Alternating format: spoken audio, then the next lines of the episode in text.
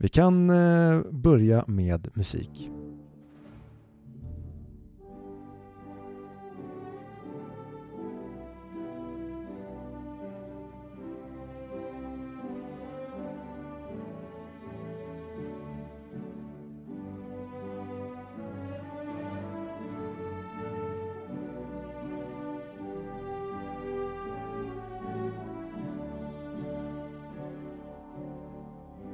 Välkomna till Audio Video-galan för år 2022. Audio, video, en väldigt bra podcast. Hej! Eller hur brukar de köra?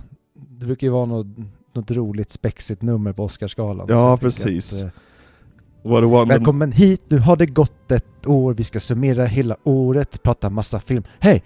Hej! Hej! Hej! Exakt. Det, eh, vi- det här är då det intronumret som jag fick Viktor att gå med på efter den otroligt starka kampanjen på sociala medier efter att vi hade gått ut om att Viktor skulle köra en, en vad ska man säga, ni använde ordet rasistisk, jag använde ordet orientalisk, eh, variation av everything, ev- everywhere all at once.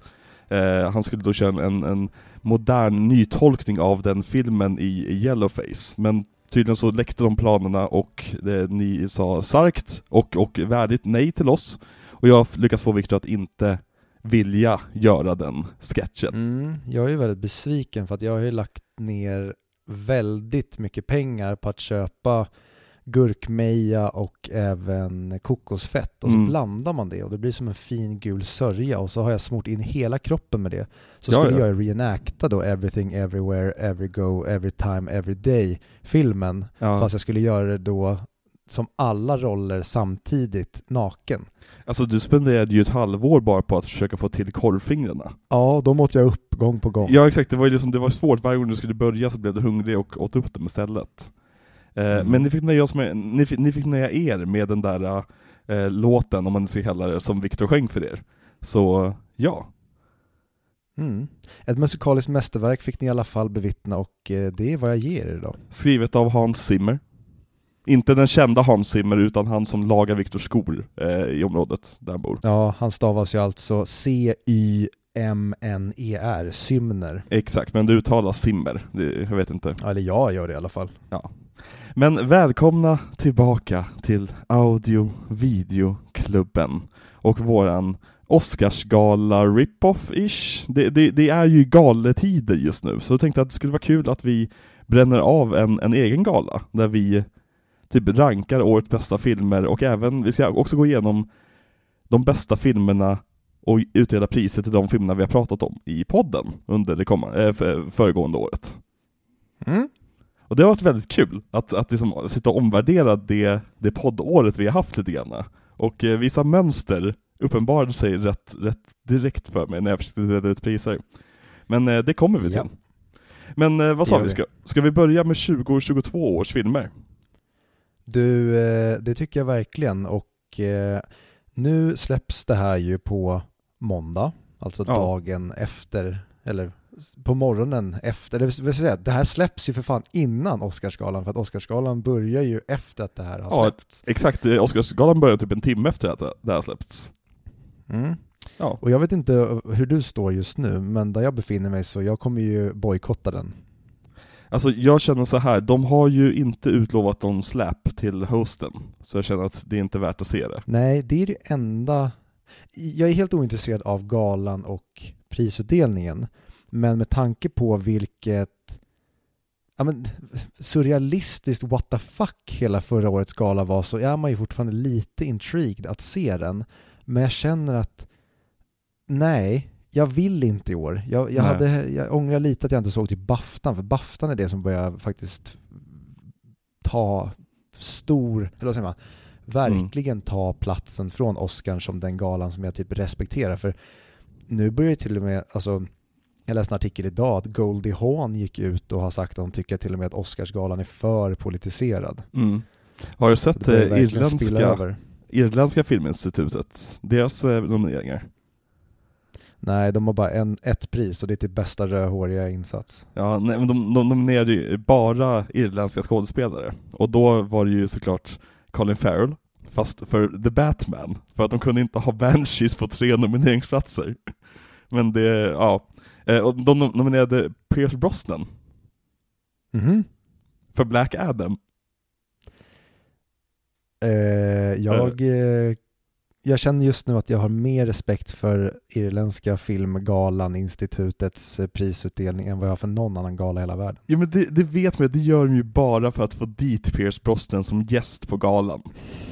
ja. Det, det, det, alltså, ing, alltså, jag kommer prata om Black Adam lite senare i det här avsnittet, men det är väl ingen som ser den filmen och tänker åh, Oscarsvärd eller prisvärdig. Säg inte det när eh, bästa Oscars moment blev eh, från, eh, inte Snyder Cut, eller var det Snyder Cut Nej. eller var det Josh Swedens? Nej, det var, det var från eh, BVS till och med. Flash enters the Aha. speed force. Nej, nej, nej, nej, det är från Snyder Cut, förlåt. Ja. Ja, så att eh, sjukare grejer har ju hänt än att Black Adam skulle gå och sopa hem priser i världen. Ja. Men ska vi bara börja rycka av lite kategorier, för det här kommer bli ett långt avsnitt. Eh, Du, ryck mig i förhuden, nu kör vi. Vi har, vi har en hel del kategorier att prata oss igenom, och eh, vissa var svåra att fylla i än andra, men när vi ändå är inne på Black Adam, ska vi prata om årets sämsta film? För jag tänker, vi, vi, så, så har vi det negativa först, för annars kommer, alltså, vi måste ha någonting negativt, för annars kommer vi bara sitta och runka hela Oscarsgalan, eller hela Audiovideogalan. Ja, men ska man verkligen börja med negativa? Ska man inte ta den innan bästa film? Okej, eh, ska vi börja med musik då? Vi kan, eh, kan, eh, kan eh, börja med musik. Jag har gjort så att jag har ju ingen ordning på mina, utan jag kommer då läsa upp bara vilka som är nominerade och sen så utifrån det välja en vinnare. Sen kanske jag bubblar lite kring det, Ja. för det, jag tyckte det var väldigt svårt att rangordna i många kategorier och då körde jag så att det blir verkligen som att bara de Ja. nominerade är bla bla bla och sen så kommer vi och and the winner is. Ja, kör. Så okej, så det är alltså 2022s filmer, filmmusik nominerade som jag ska börja med. Ja. Då börjar jag då. Jag tänker, du ju så fin sångröst, så det, det, det är bäst att du, du tar den här kategorin. Ja, och hade det inte varit så att jag börjar faktiskt värdesätta min röst och vill spara den i sångmode i, för eventuellt framtida liksom Grammis och kanske Mm. få spela på en invigning av något OS eller någonting så, annars hade jag gärna sjungit ut kategori, eller mina nominerade, men nu gör jag inte det. Alltså det verkar ju vara som att alla artister har ju ställt in från att sjunga på kung George eh, kröning. Så jag tänker att det finns faktiskt på riktigt en stor chans att du kan få den rollen, ifall du söker. Ja, då- kan jag komma insmord i min gula sörja. Okej, mina kategorin är bästa musik från 2022. And nominations are, eller the nominated are, som det faktiskt heter. Blonde, The Batman, Babylon och All Quiet on the Western Front. Så Blond, The Batman, Babylon Babylon. Och All Quiet on the Western Front. Så du har bara fyra nominerade? Ja, för jag kände inte att jag riktigt hade en femte där att slänga in, för då, Mm. då kände jag jag vill inte slänga in någonting som jag inte riktigt Nej. känner så starkt för. Så, ehm, Och vilken är din vinnare? Eller ska vi ta mina, mina nominerade först? det här jävlar vad rö- rörigt Ja, ja, men, det, vi eh, improviserar i realtid. Vi kör mina nominerade först och så kör vi vara vinnare samtidigt. Kör hårt. Mina nomineringar är Tar, På västfronten inte ett nytt, The Batman, Elvis som typ fuskar in sig på listan, och Babylon. Så där har vi typ samma, förutom att du har Du hade inte Tar, Ja, jag, och är det Elvis? jag hade blond och inte tar. Ja, exakt. Och vem Men du har vinner inte för dig? sett blond va? Nej jag har inte sett Blond. Det är, jag vill se det. Jag hade, det är fler filmer jag inte hann se helt enkelt. Eh, Det finns, det finns bara så många timmar på dygnet. De säger det. Ja. Och vem vinner? Min vinnare är All Quiet on the Western Front. Åh, spännande! Mm, men det är ett jävligt tight race där. Jag, jag, var, mm, jag var nära nu på att typ ändra mig till Babylon, men de två, det, och de, det är lite, de borde inte tävla med varandra för de är två helt olika saker, men jag tycker båda, båda filmernas filmmusik är verkligen wow. Och vem vann för mig tror du? Eh, Jag tror All Quiet on the Western Front.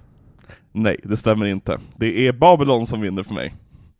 Mhm. Jag älskade musiken i Babylon. Jag lyssnar fortfarande på det soundtracket, speciellt vad heter den? Voodoo Mama. Är ju som Mhm. briljant. Men jag tycker som musiken överlag det här året har varit jättebra. Även Tar som jag såg igår hade liksom makalös musik för mig. Eh, Men Västfronten hade, alltså jag håller med, det scoret gör ju typ halva filmen. Ja, den... eh, Jag tyckte om hur otroligt simpel den var, men hur extremt effektfull den var redan från starten. Det, nästan, det blev som man hörde typ maskinerna röra sig och det Ja. blev som musik. Det lät Precis. väldigt mekaniskt och obehagligt. Det, det, det passar, eh, musiken användes lite grann av nästan så tyskt 80-tal industrial eh, sound. Men lägger det över det tyska 10-talet. Det är som un, under första världskriget, och det är en väldigt kul kontrast, för Tyskland har den här industriella andan i sig under typ hela, hela världshistorien.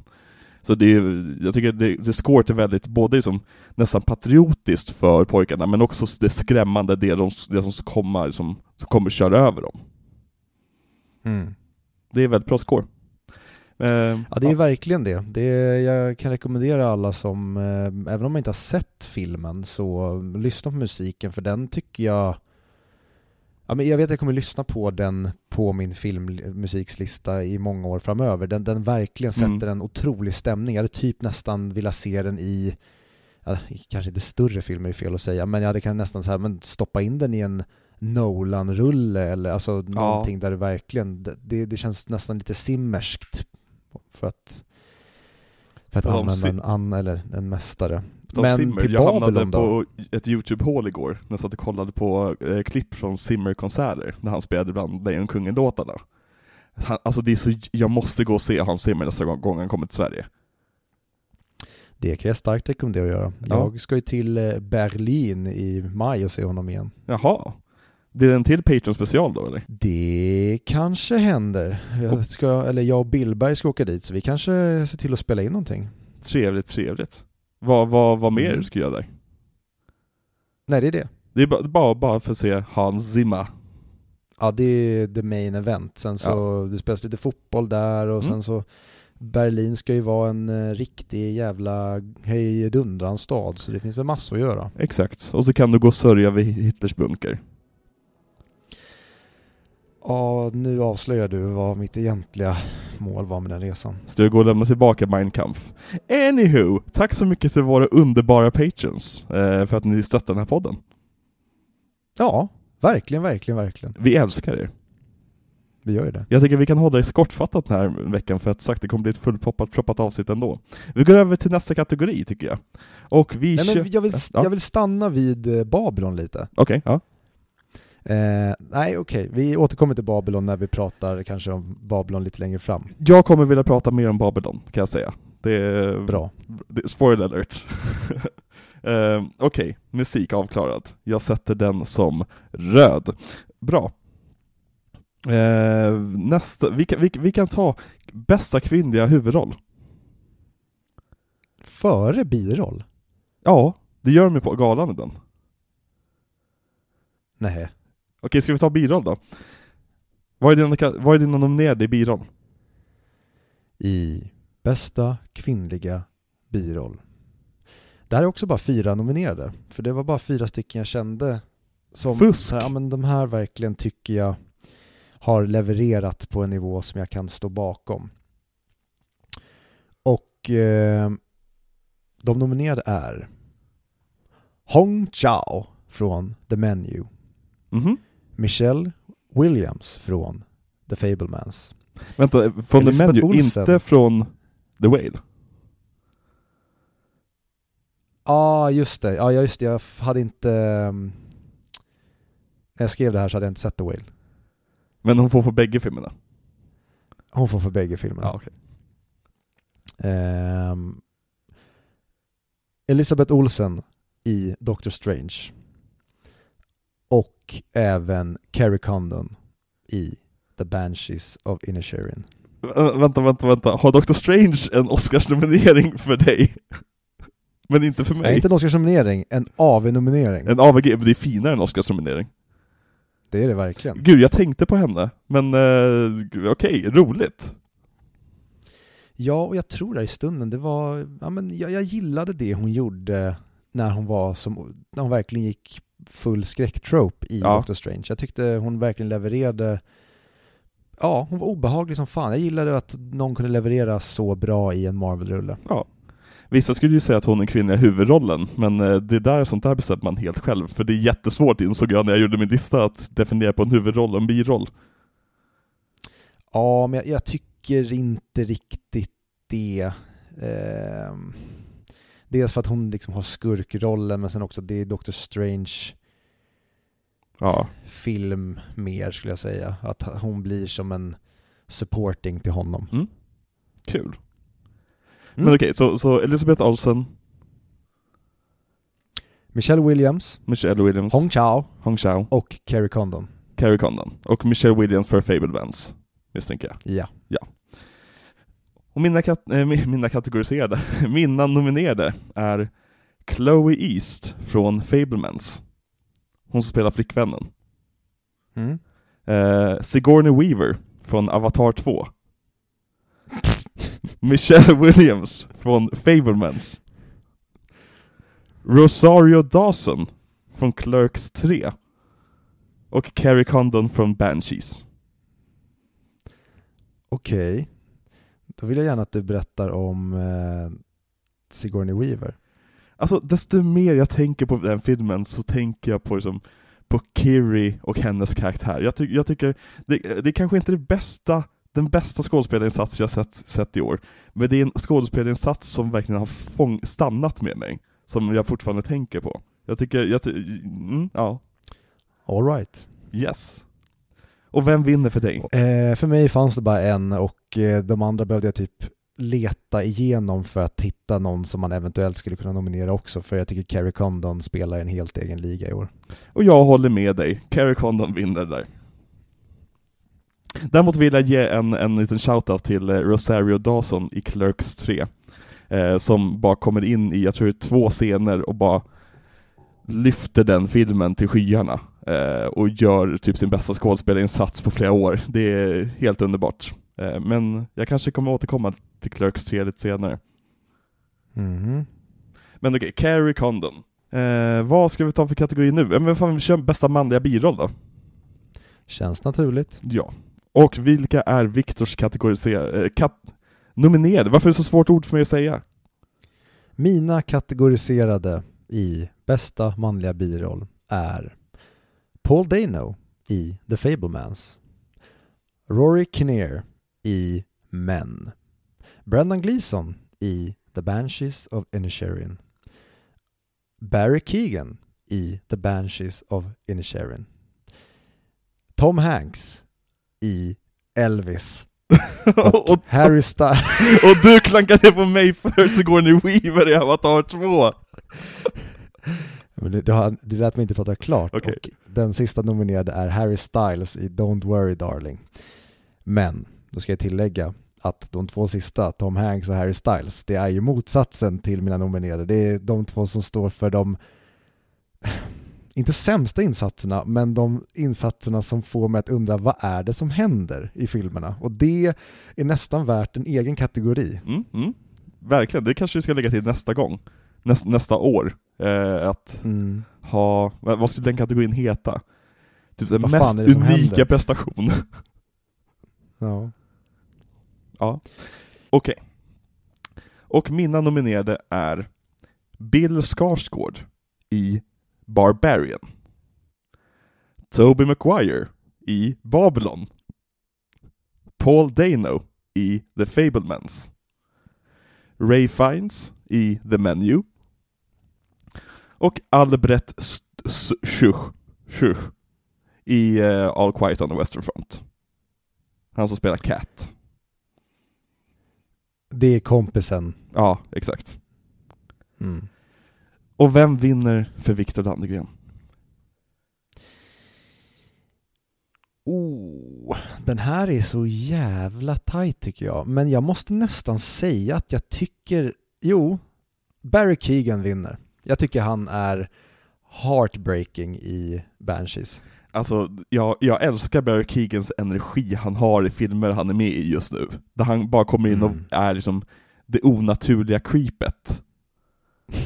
Alltså, Ja, jag såg ju The Killing of Sacred Deer bara för någon, någon vecka sedan. Eh, och där, Mm. han spelar typ samma typ av roll nästan. det är det han är född till. Ja. Född att spela Jokern. Hint, hint. Om de bara skulle Ja. göra om designen på det.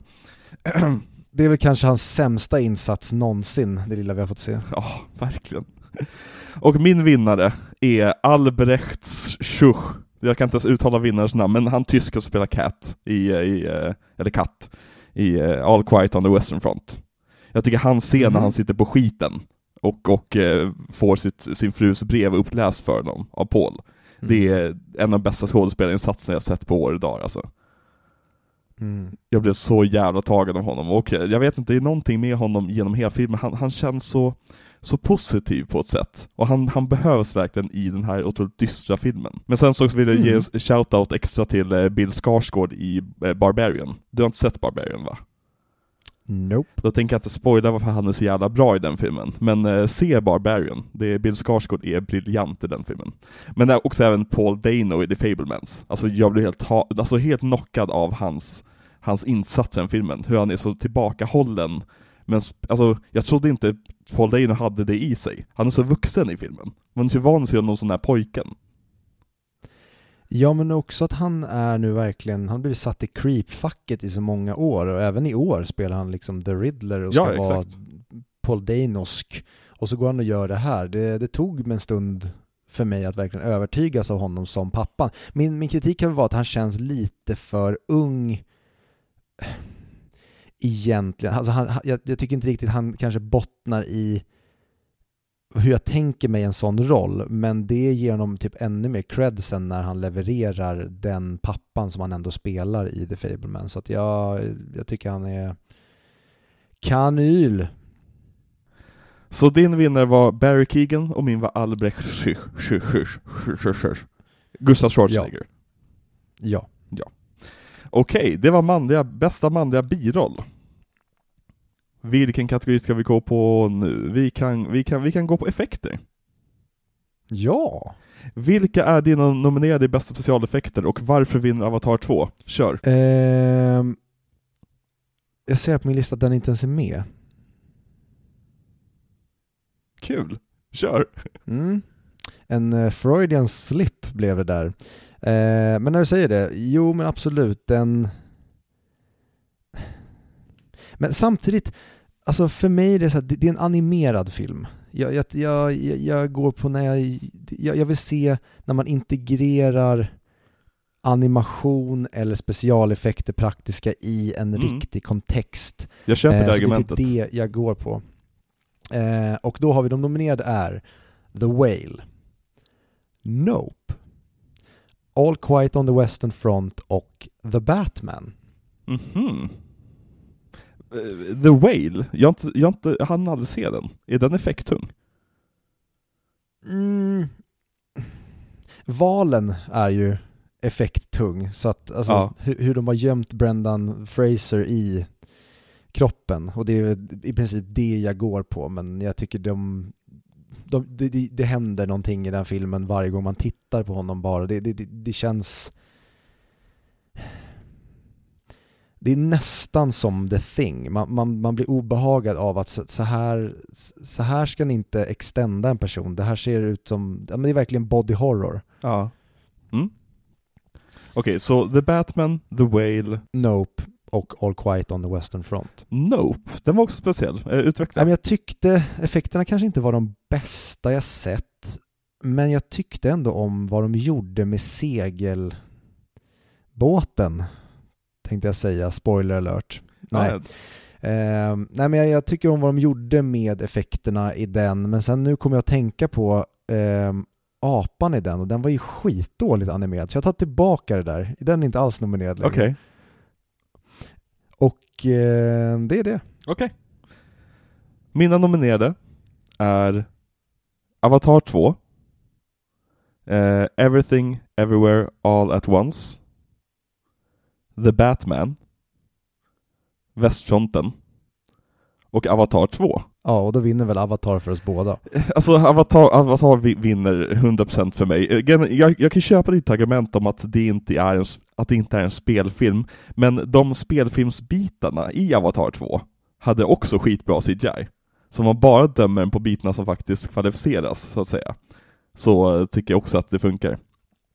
Men annars så, The Batman tyckte jag hade görsnygga effekter. Alltså att den mm. typ är filmad på The Volume får mig att börja tro på The Volume igen. Ja, eh, du och jag kommer eh, spela in eh, ett snack nu eh, närmsta dagarna för det är ju en serie som går i mål nu eh, idag faktiskt när ja. vi släpper det här. Och Exakt. Eh, där kan man prata om att de inte har använt The Volume på vissa ställen. Men det kommer mm. vi till i Patreon-specialen. Det verkar verkligen vara en differens mellan hur det används i film jämfört med hur det används i TV. Att i, i film där man kan dölja det ordentligt i efterhand så ser det så mycket bättre ut. Mm. Men, men. Eh, ska vi köra, ska vi köra manus? Ja, anus. Men är det så här, om du inte fick välja Avatar 2? Nej men det är fan The Batman, jag tyckte den var gorgeous på alla sätt, jag tyckte verkligen ja. fick till, alltså även Colin Farrell bara hur han är effektskapad med smink och proteser är skitsnyggt. Det, jag gillade hur, hur grounded den var, hur de fick till det. Mm. Jag håller med. Okej, manus. Vilka är dina nominerade? Och varför är det The Triangle of Sadness på fem platser? Nej men det är för att Ruben är bäst. Ja, nej. Mm. Eh, jag har bara tre nominerade där. Okej. Eh, och jag, jag, vet inte, jag tycker manus är en så jävla svår kategori att säga, för man, ja. det, det, är så svårt att se, man skulle behöva läsa manusen för att se vad är de har konverterat, men... Ja men det finns ju... Så, det finns ju de här liksom lätta sakerna att ta ut från ett manus, att åh den där meningen var briljant skriven. Det är det lätta att se i ett manus. Men ett manus är ju så mycket mer än bara vad sa karaktären. Jo, och det är det, det, det är så mångbottnat för att antingen kan du bara ta, för, gud vilken bra story, den här storyn var helt fantastiskt skriven och så kanske filmen inte var så bra men storyn var jättebra. Eller tvärtom, att ja. filmen gör någonting kanon men där kanske inte fanns så mycket ett manus från början, det vet man ju inte. Men som du säger, det kan även vara bara dialog, men jag tycker oftast att ett manus kan vara nästan bäst när man inte märker manuset utan när man inte reagerar på att någon säger åh gud, det där var en Oscars-line, utan snarare att det känns som att det är bara människor som pratar, de verkligen har konverterat naturligt mm. samtal till skärmen. Det tycker jag typ absolut mest om. Så att manus för mig är en så jävla svår kategori, för det är nästan som att alltså, jämföra äpplen och päron beroende på vad det är för typ av berättelse. Men de tre då som är nominerade är Män,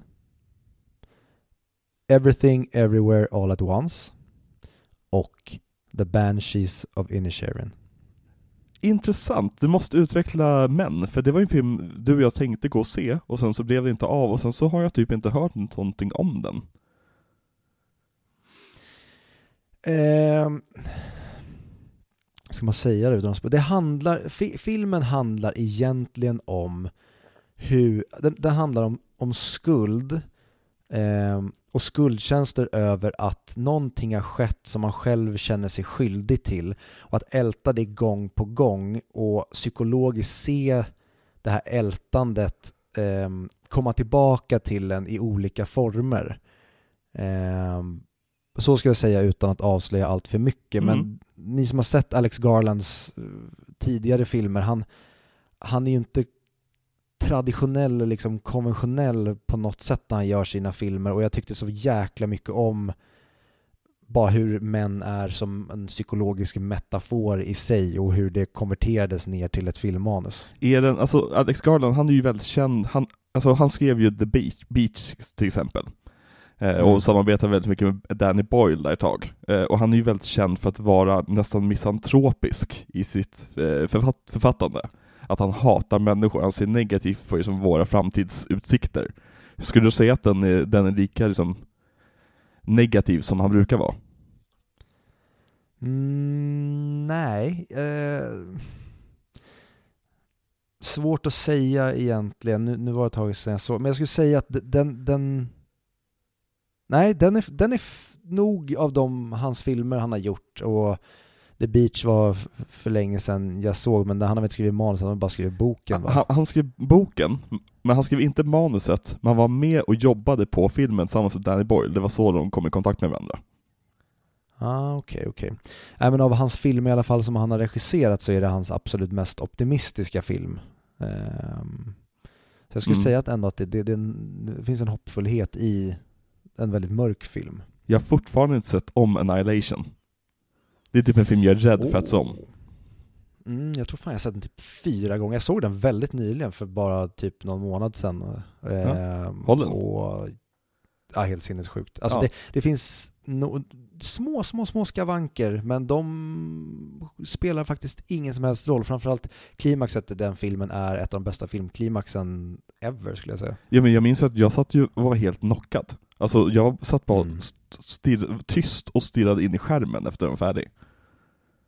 Mm, ja, Mm. nej den är jätte, jättebra. Det känns nästan som eh, stundtals en Denis Villeneuve-film på den nivån är det. Ja, ja men den och Arrival har väldigt många eh, gemensamma teman ska jag säga.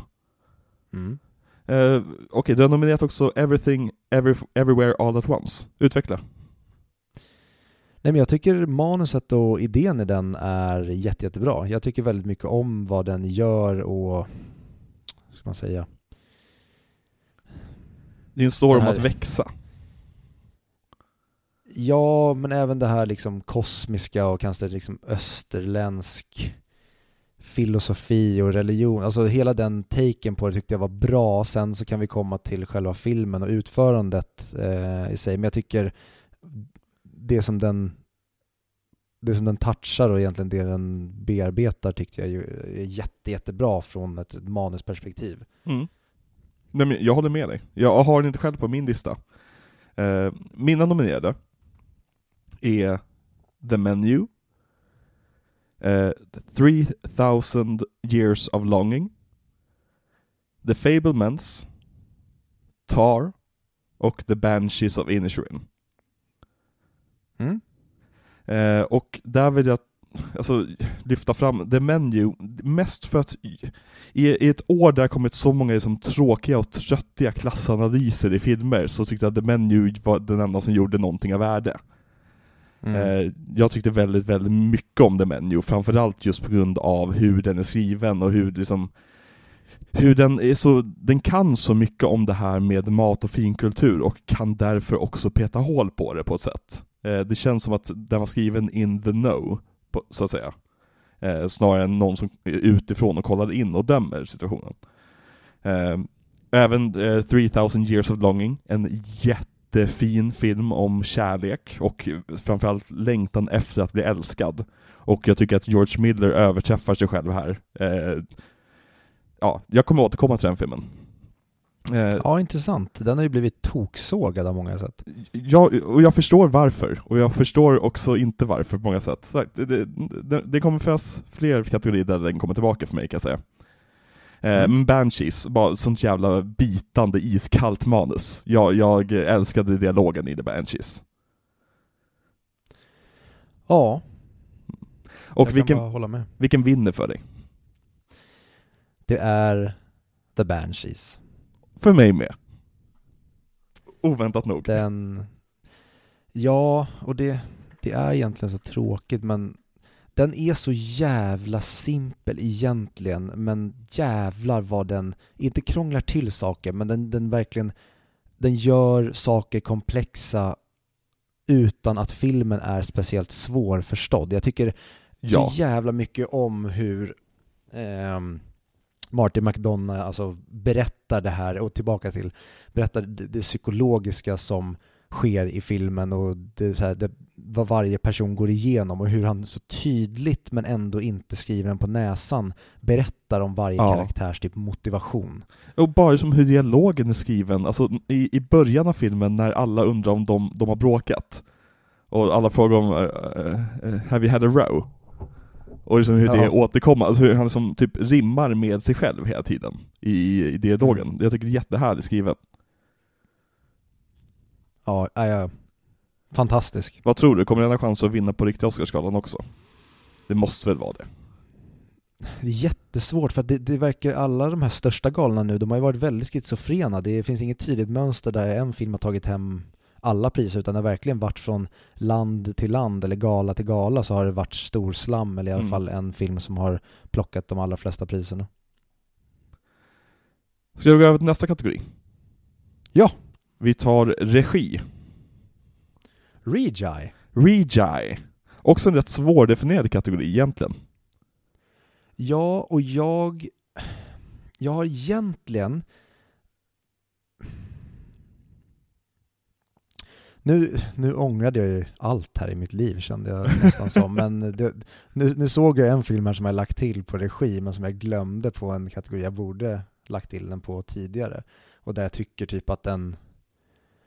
Fan, det var ju dumt av mig. Eh, men efter vi har tagit den här kategorin så kan jag då backtracka till eh, två andra kategorier. Okej. Eh, Shoot. Så du, du, får, du får berätta dina nominerade här och sen kommer jag bara presentera min eh, vinnare. Okej. Mina nominerade för bästa regi är Todd Fields för Tar, en film som är utmärkt regisserad i, i tempo och i, som, i tagningar och i foto och i som, ja, bara skådespelarinsatserna från varenda person i den här filmen. Eh, jag tycker den är otroligt regisserad. Vuxen, Ja, jag säga. otro- och det var så skönt att se en vuxen film. Alltså jag vet inte, all, alla de här filmerna som jag sett hittills i år från Oscarsfältet har känts antingen som att de är jättetunga eller om, att de ska ha glimten i ögat om saker och ting. Och visst, Tar har glimten i ögat om det mesta. Men det kändes så refreshing på något sätt, att, med de här långa tagningarna. Mm. Det, ja. Sen så har vi Noah Baumbach för White Noise.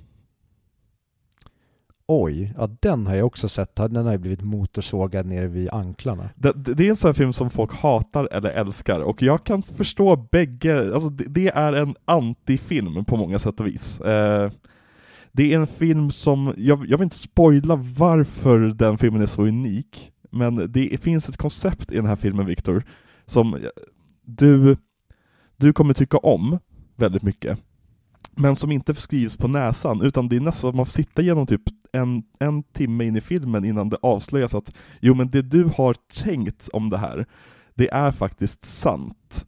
Och man har suttit och tänkt inom hela filmen såhär, vänta, vänta, hörde jag det där? Vänta, sa de precis? Vänta, okej, nej men nu händer någonting annat, jag, kan, måste, inte, jag måste sluta tänka på det här. Och sen så kommer någonting tillbaka, och man säger, vänta, vänta, nej men sa han verkligen? Och sen så, ja, det, det, är en, det är en unik filmupplevelse. Jag kan inte säga det på ett annat sätt. Så har vi Damien Chazelle för Babylon. Eh, jag älskar Damien Chazelle. Jag älskar hans maximalistiska regisseringsstil, där han liksom bara kastar saker på skärmen. Eh, många har kritiserat just typ de sista typ, vad är det, tio minuterna av Babylon. Och jag tycker att det är, det är så mycket visa sitt hjärta för hela biopubliken moment, att jag bara avgudade det. Vi har Baz Luhrmann, som vi har ägnat en hel miniserie om att prata om, så jag tänker inte gå in djupare på honom. Eh, och så har vi också Steven Spielberg. Mm. Och tillbaka till eh, Damien Chazelle. Ja. Jag tycker ju tyvärr att han är det svagaste med Babylon. För jag tycker att den, den filmen borde klippts ner utav bara helvete. Jag tycker tyvärr att den ofta tappar fokus och tempo. Jag hade, alltså jag hade verkligen kunnat tänka mig att med en min, hade han inte siktat på att göra så jävla bombastiskt och så jäkla Mhm. maxat, då tycker du så här, shit, här finns det potentiellt för mig ett mästerverk, men jag tycker tyvärr inte att det håller och det är på grund av honom och jag kände samma sak med ehm, Man on the Moon, vad, vad heter den? First Man heter den. First att, Man. Ja, att han har, lite, han har lite problem med sina pauser, att jag, jag, jag känner ofta i hans, hans filmer att när väl tempot börjar komma igång, då helt plötsligt så tappar den mig. Alltså det känns som att han tar pauser på fel ställen och det tyckte jag var så synd med Babylon för att när den var uppe och sprang då var den helt fantastisk och sen så var det så bara som att näpp, nu ska vi ta en liten paus här och det är tyvärr, kan jag bara säga, att jag tror att det är på grund av Damien Chazelle för att jag tycker också att mycket av den här liksom, tempotuttröttningen göms kanske för många eller jag, jag tycker att av just uh, Justin Hurwitz musik. För jag tycker Justin Hurwitz musik gömmer, alltså det finns en storyline i eh, Babylon som jag bara tycker så här, nej men den, den här borde ni bara klippa rakt av. Den, den, har några, liksom, den har några poänger genom filmen, men, men ni hade kunnat ha honom bara vid ett fåtal tillfällen, inte mm. göra typ ett ark som inte typ är ett ark eh, rakt igenom. Så att, jag fan, jag önskade verkligen lite, lite mer av eh, Babylon och jag satt nästan och tänkte att alltså, fan vad jag hade velat se typ Martin Scorsese regissera den här filmen och det är lite som ibland jag känner att han försöker lajva typ en Scorsese. Mm. Alltså, det du beskriver, alltså jag förstår ju vad, vad det är du säger, och just den här plotlinen som du syftar på, jag vet vilken plotline du menar. Allt det gör bara så att jag älskar filmen ännu mer, för att det var verkligen en, en film som inte höll tillbaka någonting alls i ett år där jag tycker att filmer har hållit tillbaka saker och ting. Eh, vi, mm. Det känns som att vi är väldigt försiktiga just nu med att, att brista ut i sång, om man säger så. Och jag tycker Avatar 2 gjorde det också, den bredde ut sig på ett sätt den inte behövde göra och jag älskade det för det. Och samma sak med Babylon, att det, som, det var en del av upplevelsen att sitta där i tre timmar, den där biosalongen bara liksom bli bombarderad av intryck. Och jag tror att om, jag, om man hade klippt ner till typ två timmar och 40 minuter, då hade jag såklart också älskat den. Men jag tror inte att jag hade älskat den lika mycket. Jag tror att det som utmattningen när man kom ut ur biosalongen är liksom en del av paketet för mig, om, om if that makes sense.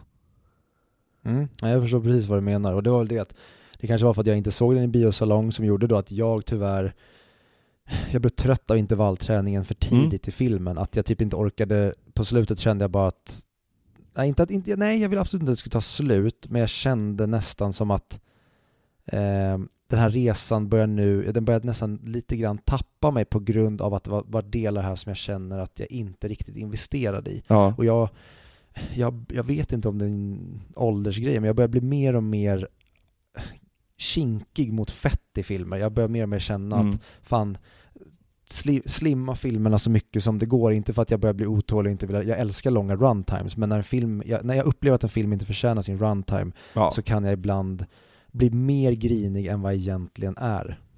Jag, ty jag tycker att, jag håller med dig, eh, men just en film som typ Babylon, är verkligen gjord att se på bio. Det är, ja, att, mm. att, att, typ se den hemma på tvn, då hade jag nog inte tyckt om lika mycket. Det var just det att I'm not locked in here with you, you're locked in here with me, nästan, när filmen mm. började, och den skiter oss i ansiktet liksom, det första som händer. Uh, och dessutom har filmen ja. också uh, Jake Sullys näst bästa prestation i sig också, det här året. Ja. Ja. Uh, men det är reginomineringarna. Vem vinner för dig? Min vinnare är Guillermo del Toro för Pinocchio. Han kom från ingenstans. Ja, och eh, det var det jag eh, nu insåg att eh, jag måste backtracka på både produktion och, nej, vilken var det vi pratade om? Vi tog eh, Vi har tagit musik, manus, effekter. Eh, förlåt, effekter. Eh, där vinner Pinocchio effekter. Alltså, även om jag tävlar med, eller även om Avatar är med okej. Okay. Spännande. Vi, vi har ingen animerad kategori, så du kanske, vill, vill du, eller kommer Pinocchio tillbaka på din bästa film-nominerande kanske? Um, det kan hända. Det kan hända. Vill, vill du vänta? Men... min fråga till dig är, vill du prata lite Pinocchio eller ska vi spara på Pinocchio-snack? Nej vi kan prata Pinocchio nu så får, får vi det. Eller du, du fast jag, har, jag har ett, ett perfekt tillfälle att prata Pinocchio om några kategorier, där jag också kommer prata om Pinocchio, insåg jag. Då kör vi. Då kör Då. vi. Okej, det var regi. Så din vinnare är Guillermo de Toro, och min vinnare är Steven Spielberg. Nej. Oh, alltså, det, du, du och jag brukar prata väldigt mycket om att var är Steven Spielberg? Och jag har svaret, han, han är här. Han, han, han, har bara in, han har bara gjort saker han tyckte var kul på sidan. Alltså hans senaste två projekt har varit mästerligt regisserade. Jag, ty mm. alltså jag tycker eh, West Side Story är ett av de liksom, stora musikalmästerverken i mina ögon numera. Och den här filmen, alltså det är så personligt. Återigen, det, det kommer vara återkommande på min nominerade för bästa film också, att alla filmer jag älskat i år har varit personliga filmer, väldigt, väldigt personliga filmer. Och det här är ju mm. Steven Spielbergs mest personliga film någonsin. Alltså ta bara scenen när han, ja, spoiler alert, men hans systrar är leds, ledsna eh, och han ser sig själv gå runt med kameran och framea det. Alltså den, det, det, subtilitet är för nördar, skulle jag säga. Jag, jag, jag, vill, jag vill ha liksom, eh, vad skriver, skriv mig på näsan om vad du vill ska få oss känna när det kommer till dina egna personliga upplevelser i det här fallet. Ja. Jag tycker den är jätte, jättebra regisserad. Och sista klämmen, du, du, vet vad jag menar med kameran som rättar till sig. Också Jajamän. jättekul. Jag skrattade röven av mig åt det. Eller jag satt och bölade som ett litet barn, men utöver det så. Nästa kategori, vad ska vi ta för någon? Årets överraskning? Hmm. Ja, det kan vi göra. Ja. Vill du köra din överraskning? Jag ska väl eh, göra min överraskning. Eh, vad, betyder, det här, det här, vad, vad betyder överraskning för dig? Precis, och det är det jag ska lite landa i här. Jag, för vi har inte diskuterat kategorin alls. Nej, och därför är det bra att det är lite öppet för, för tolkning. Eh, kan börja då med den filmen som du precis har pratat om, The Fablemans. Jag blev väldigt, väldigt överraskad av hur tagen jag blev av den. den. Den fanns, när jag såg trailern så såg det hur tråkigt ut som helst. Jag kände när eh, castlisten började poppa upp och jag kände bara, nej men Steven Spielberg, du börjar få, få upp farten igen här nu med um, West Side Story. Så gå tillbaka nu och göra någonting som potentiellt blir liksom, det, det visst var det han som gjorde The Post va? Ja, det var det väl. Just det, och den andra, vad den nu heter. Eh, Bridge of Spice. Katolska rape-grej. Katolska rape-grejen? Nej, nej, det, det, nej det, det var inte han. Du nej men den på... andra som handlar om det. Ja, gud, det var ju Boston, Boston Globe, det var eh, Spotlight. Just det, Spotlight. Eh, nej men det, känd, det kändes som att det potentiellt skulle kunna bli en ny The Post. Jättetråkig och att han ska vara nostalgisk och berätta om sin barndom. Och där, när jag såg den och ja, men, ganska tidigt in då så kände jag bara att ja men ja Steven Spielberg, du är här, jag känner dig och nu ska ja. du du ska ge mig dig själv genom dig själv och jag bara tyckte det var helt underbart och jag blev så glad över att jag verkligen kunde släppa garden och älska den. Ja. Eh, jag kommer att prata mer om den lite längre fram i galan. Men eh, vad kul att det var en överraskning. Det var en överraskning för mig också. Men eh, kanske inte lika stor som det var för dig. Mm. Och sen då går vi ner till eh, Top Gun. Aha. Och om vi pratar Top Gun som överraskning, då har vi, vi har ju ett eh, specialavsnitt om den, men jag, blev, ja. jag, är, jag är fortfarande idag mind-blown över att den är så älskad. Jag förstår helt och hållet vad den gör som biofilm och jag älskar, jag tycker flygscenerna är helt fantastiska, det är svinbra action. Men jag är fortfarande så jäkla förvånad över att folk inte ser igenom vilken platt rulle det är. För jag tycker ja. verkligen att manuset och det, alltså vad filmen handlar om är svin tråkigt. Alltså verkligen, det provocerar mig att den är så himla hyllad. Att, att det, det, det här ska kunna passera. Folk säger åh men den, den är så jävla mycket bättre än ettan. Och då känner jag bara, nej, för ettan, den, den här gör ju det typ ettan gör. Den åker ja. snålskjuts på den, men bara lite mer tårdrypande. Och jag tycker ettan har en helt annan lökighet som den här filmen ja. också har. Men ettan gör det medvetet. Den här filmen fattar typ inte, upplever jag, att den är så himla töntig. Nej, nej men jag, jag, jag håller med. Det är... Ibland ser vi filmer, du och jag, där vi känner efteråt att så här, såg vi samma film som alla andra såg? För att vi har sån mm. annan reaktion mot den här filmen än vad alla andra har. Eh, och Top Gun Maverick var ju det här årets sån film. Alltså jag, det är inte så att jag hatar någonting med den filmen, jag tycker att det är en duglig actionfilm, jättekul stund på bio. Men det här att den ska vara Oscarsnominerad för bästa film, det, det är så märkligt. Det är, alltså jag har så många tankar om, om, om filmtittande när jag hör det. Alltså, är det något slags ironiskt som händer här? När folk, alltså att då man typ älskar hur, hur tom den är på, på, ordent, på ordentlig film. Ja, jag vet inte. Alltså, jag, jag tyckte, tyckte sagt att den var bra, jag låter jättenegativ när jag pratar om den, men det är bara för att man pratar om den i kontrast med det är typ den bästa filmen någonsin. Uh, mm. Så ja, nej men jag förstår. Ja, och nu har jag egentligen lagt in den överraskning när det kommer till 2022, eh, eller när det kommer till audio videoklubben, men jag tar den nu lika gärna. Sure. Precis samma upplevelse var det med Triangle of Sadness. Att jag förstår verkligen, alltså, jag, jag, jag kände mig eh, cyniskt, eller vad säger jag, dum i huvudet cynisk när jag känner att jag står på en helt annan plats än de allra flesta som har sett den. Jag har sett såklart folk som har samma typ take som du och jag har, men att det är överväldigande och även nu liksom Oscarsgalan att den är så jäkla älskad, det får mig... Den fick så många och, nomineringar. Ja, alltså verkligen. Jag, jag, inget, inget ont om Ruben, eller något ont om Ruben. Mycket ont om Ruben.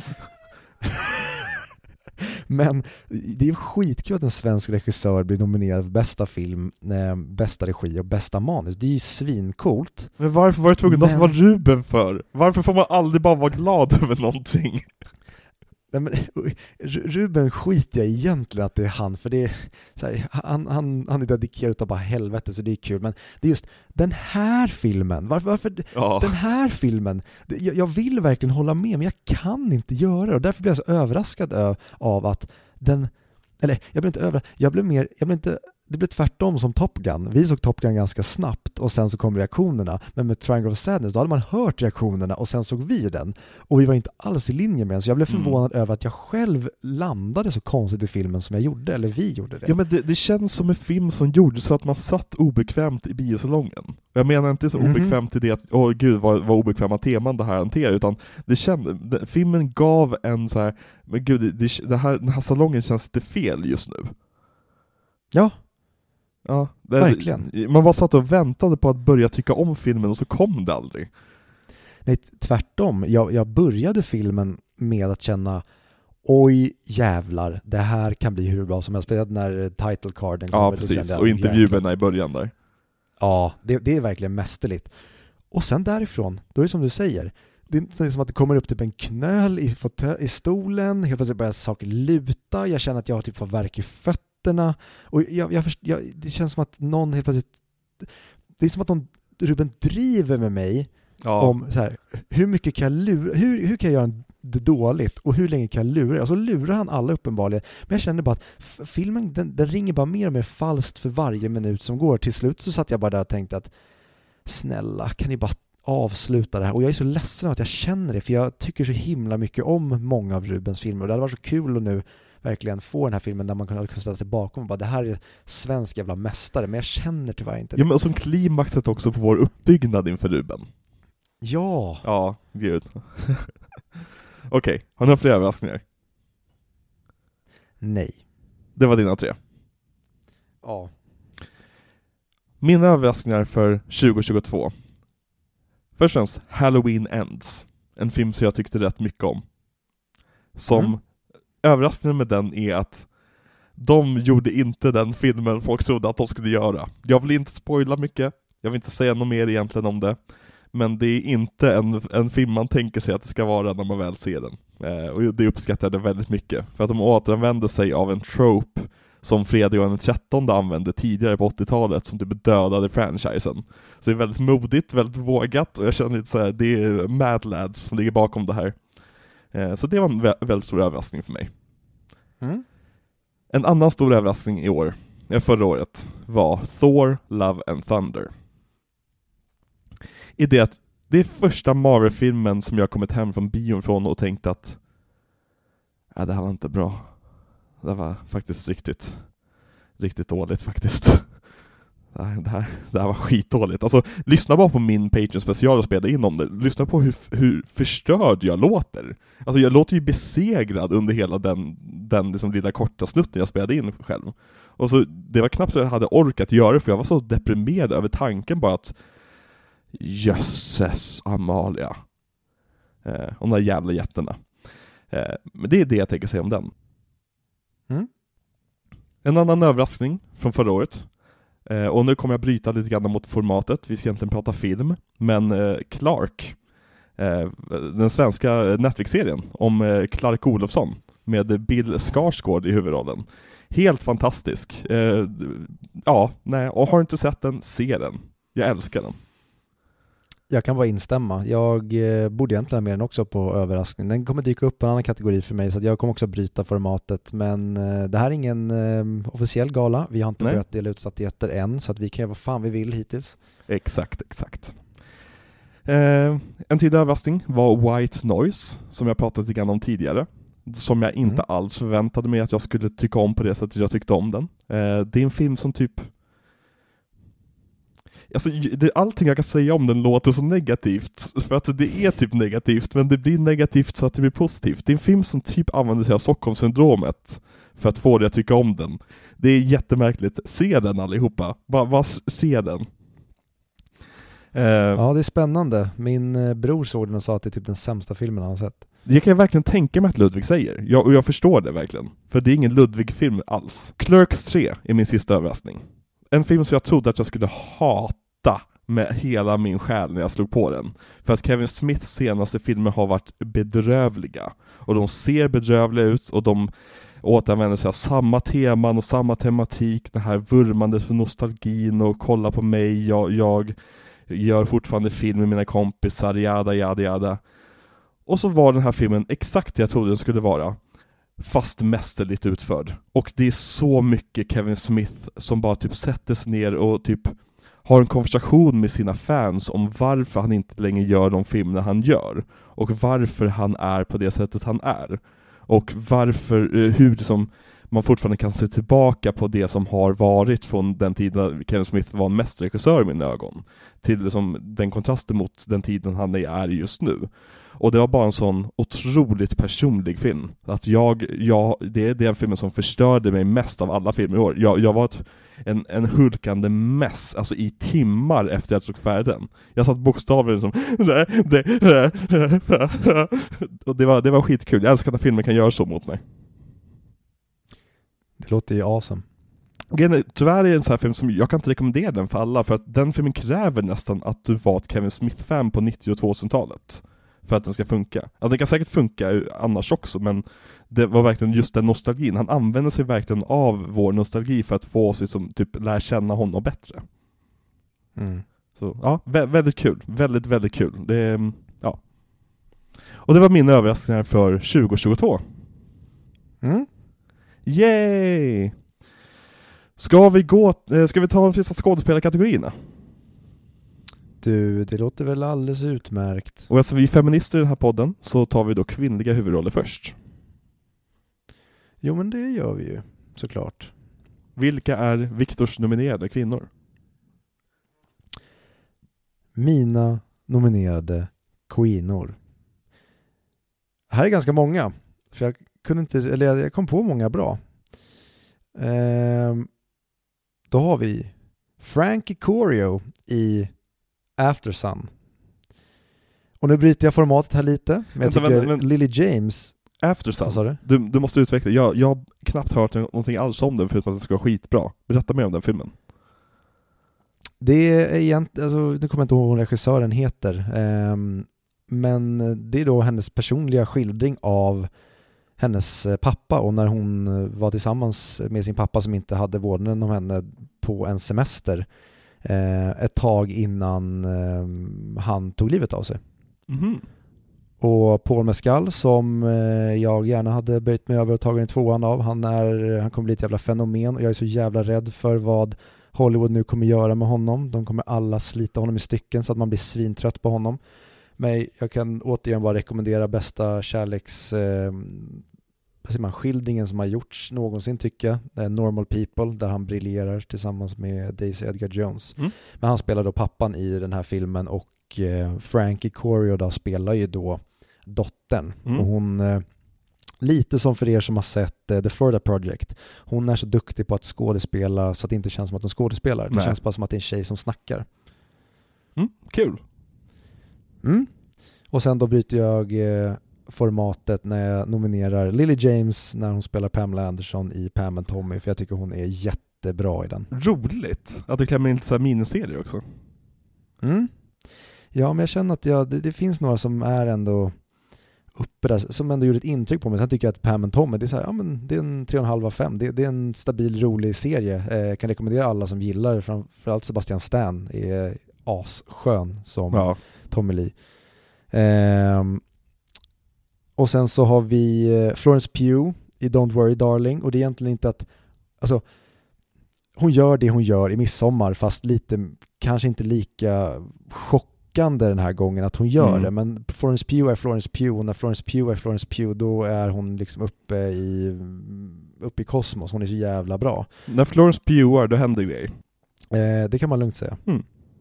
Och jag, jag är lite rädd för henne också nu, vad, vad, vad kommer hända med henne i Hollywood? Det känns som att de Ja. också kommer få mig att hata henne när hon kommer överanvändas in i absurdum. Ehm, ja, och sen har vi någon, så här, ja, men någon nybörjar-rookie som tidigare aldrig har varit på tapeten. Eh, Kate Blanchett heter hon i någon Mm. film som heter Tar, Okej, ja. som jag skulle vilja nominera. Jag tyckte, jag, tyck, jag tyckte hon gjorde det bra. Jag tror inte hon kommer vinna bästa kvinna i huvudroll Oscar alls. Nej, det kommer en kines göra. Det, ja, det är väldigt tätt ra- race i år. Ja, ja, skitsamma. Ja, Kate Blanchett i Tar. Ingen har väl lyckats undgå att höra om henne, misstänker jag. Jag tror inte det. Och sen så då, min sista nominering, då har vi eh, Margot Robbie i Babylon. Mm. Kul att du har en, en nominering till Babylon ändå. Mm. Och vad tycker du om henne där? Ehm, och eh, det är min sista, så bollar jag över till dig. Vad tycker du om Margot Robbie i Babylon? Hon är helt jävla amazing. Ehm, i, i, så, I så många, och just det till liksom filmens längd, men att, det känns som att hon orkar så mycket längre, och det är bokstavligt talat, hon gör ju det, en scen som handlar om att orka så mycket längre än Mm. vad hon egentligen klarar av. Men jag tycker det, hon gör det så otroligt bra från starten till slutet och ja, men den här fördärvade kvinnan. Jag, jag, jag älskar henne och vill ge henne stryk samtidigt. Jag tycker så synd om vad, vad hon gör mot sig själv i den här filmen och Margot Robbie är en jävla skatt. Och det Ja, men bara ta, ta scenen när hon måste spela in sin första ljudscen. Alltså hela den scenen för övrigt as, alltså jag älskade den. Det, det är Mm. filmens roligaste scen. Men hon liksom spelar upp den här frustrationen mer och mer i varje tagning. Eh, ja, underbart. Nej, jätte, jättebra. Nej, men, och Margot Robbie, det är nästan till hennes nackdel att hon är så liksom perfekt labbkonstruerat, alltså photogenic. För att det känns nästan, nu, nu har hon ju fått sin alltså recognition ändå, men Mm. det känns som att hon kommer bli ratad från vissa riktigt, riktigt tunga roller hon skulle passa i på grund av att hon ser för perfekt ut. Ja, ja men verkligen.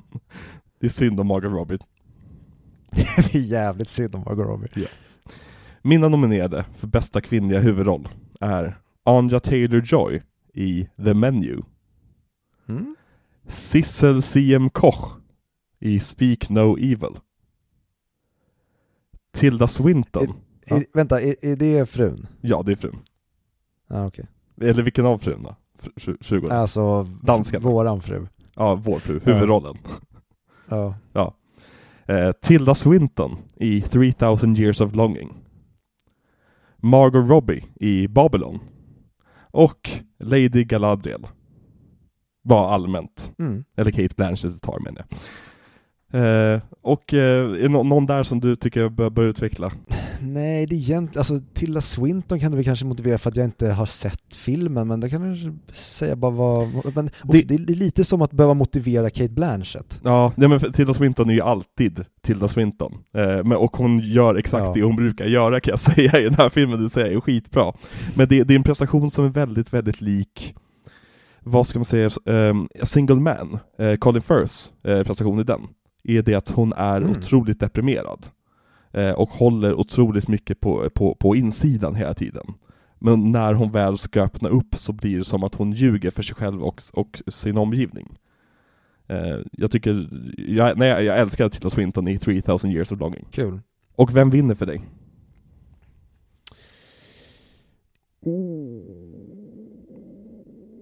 Nej, jag ser ju då att jag har glömt den här. Vem har du glömt? Jag har glömt Ana de Armas i Blond. Ah, Hon är jätte, jättebra som... det är väl det Nej, typ alla säga- är överens om, om den filmen. Vad sa du? Det är väl det enda som alla är överens om med den filmen. För det är också en Ja. väldigt splittrad film. Det, det, det kan man lugnt säga. Och, um, ja, men, fan, jag vill inte säga någonting och jag vill bara att du ska se den. Eh, Ja, den ligger definitivt på listan. Eh, men min vinnare, shit, det, här, det var väldigt svårt. Alltså det är så jäkla tight mellan Kate Blanchett, Anna de Armas och Margot Robbie. Men, ja, men jag ger den nu, jag, kommer, jag ångrar mig nu för varje sekund jag är på väg att säga vem jag väljer. Men, men jag tror nog fan att det landar i Margot Robbie ändå. Okej, okay, Margot Robbie i Babylon.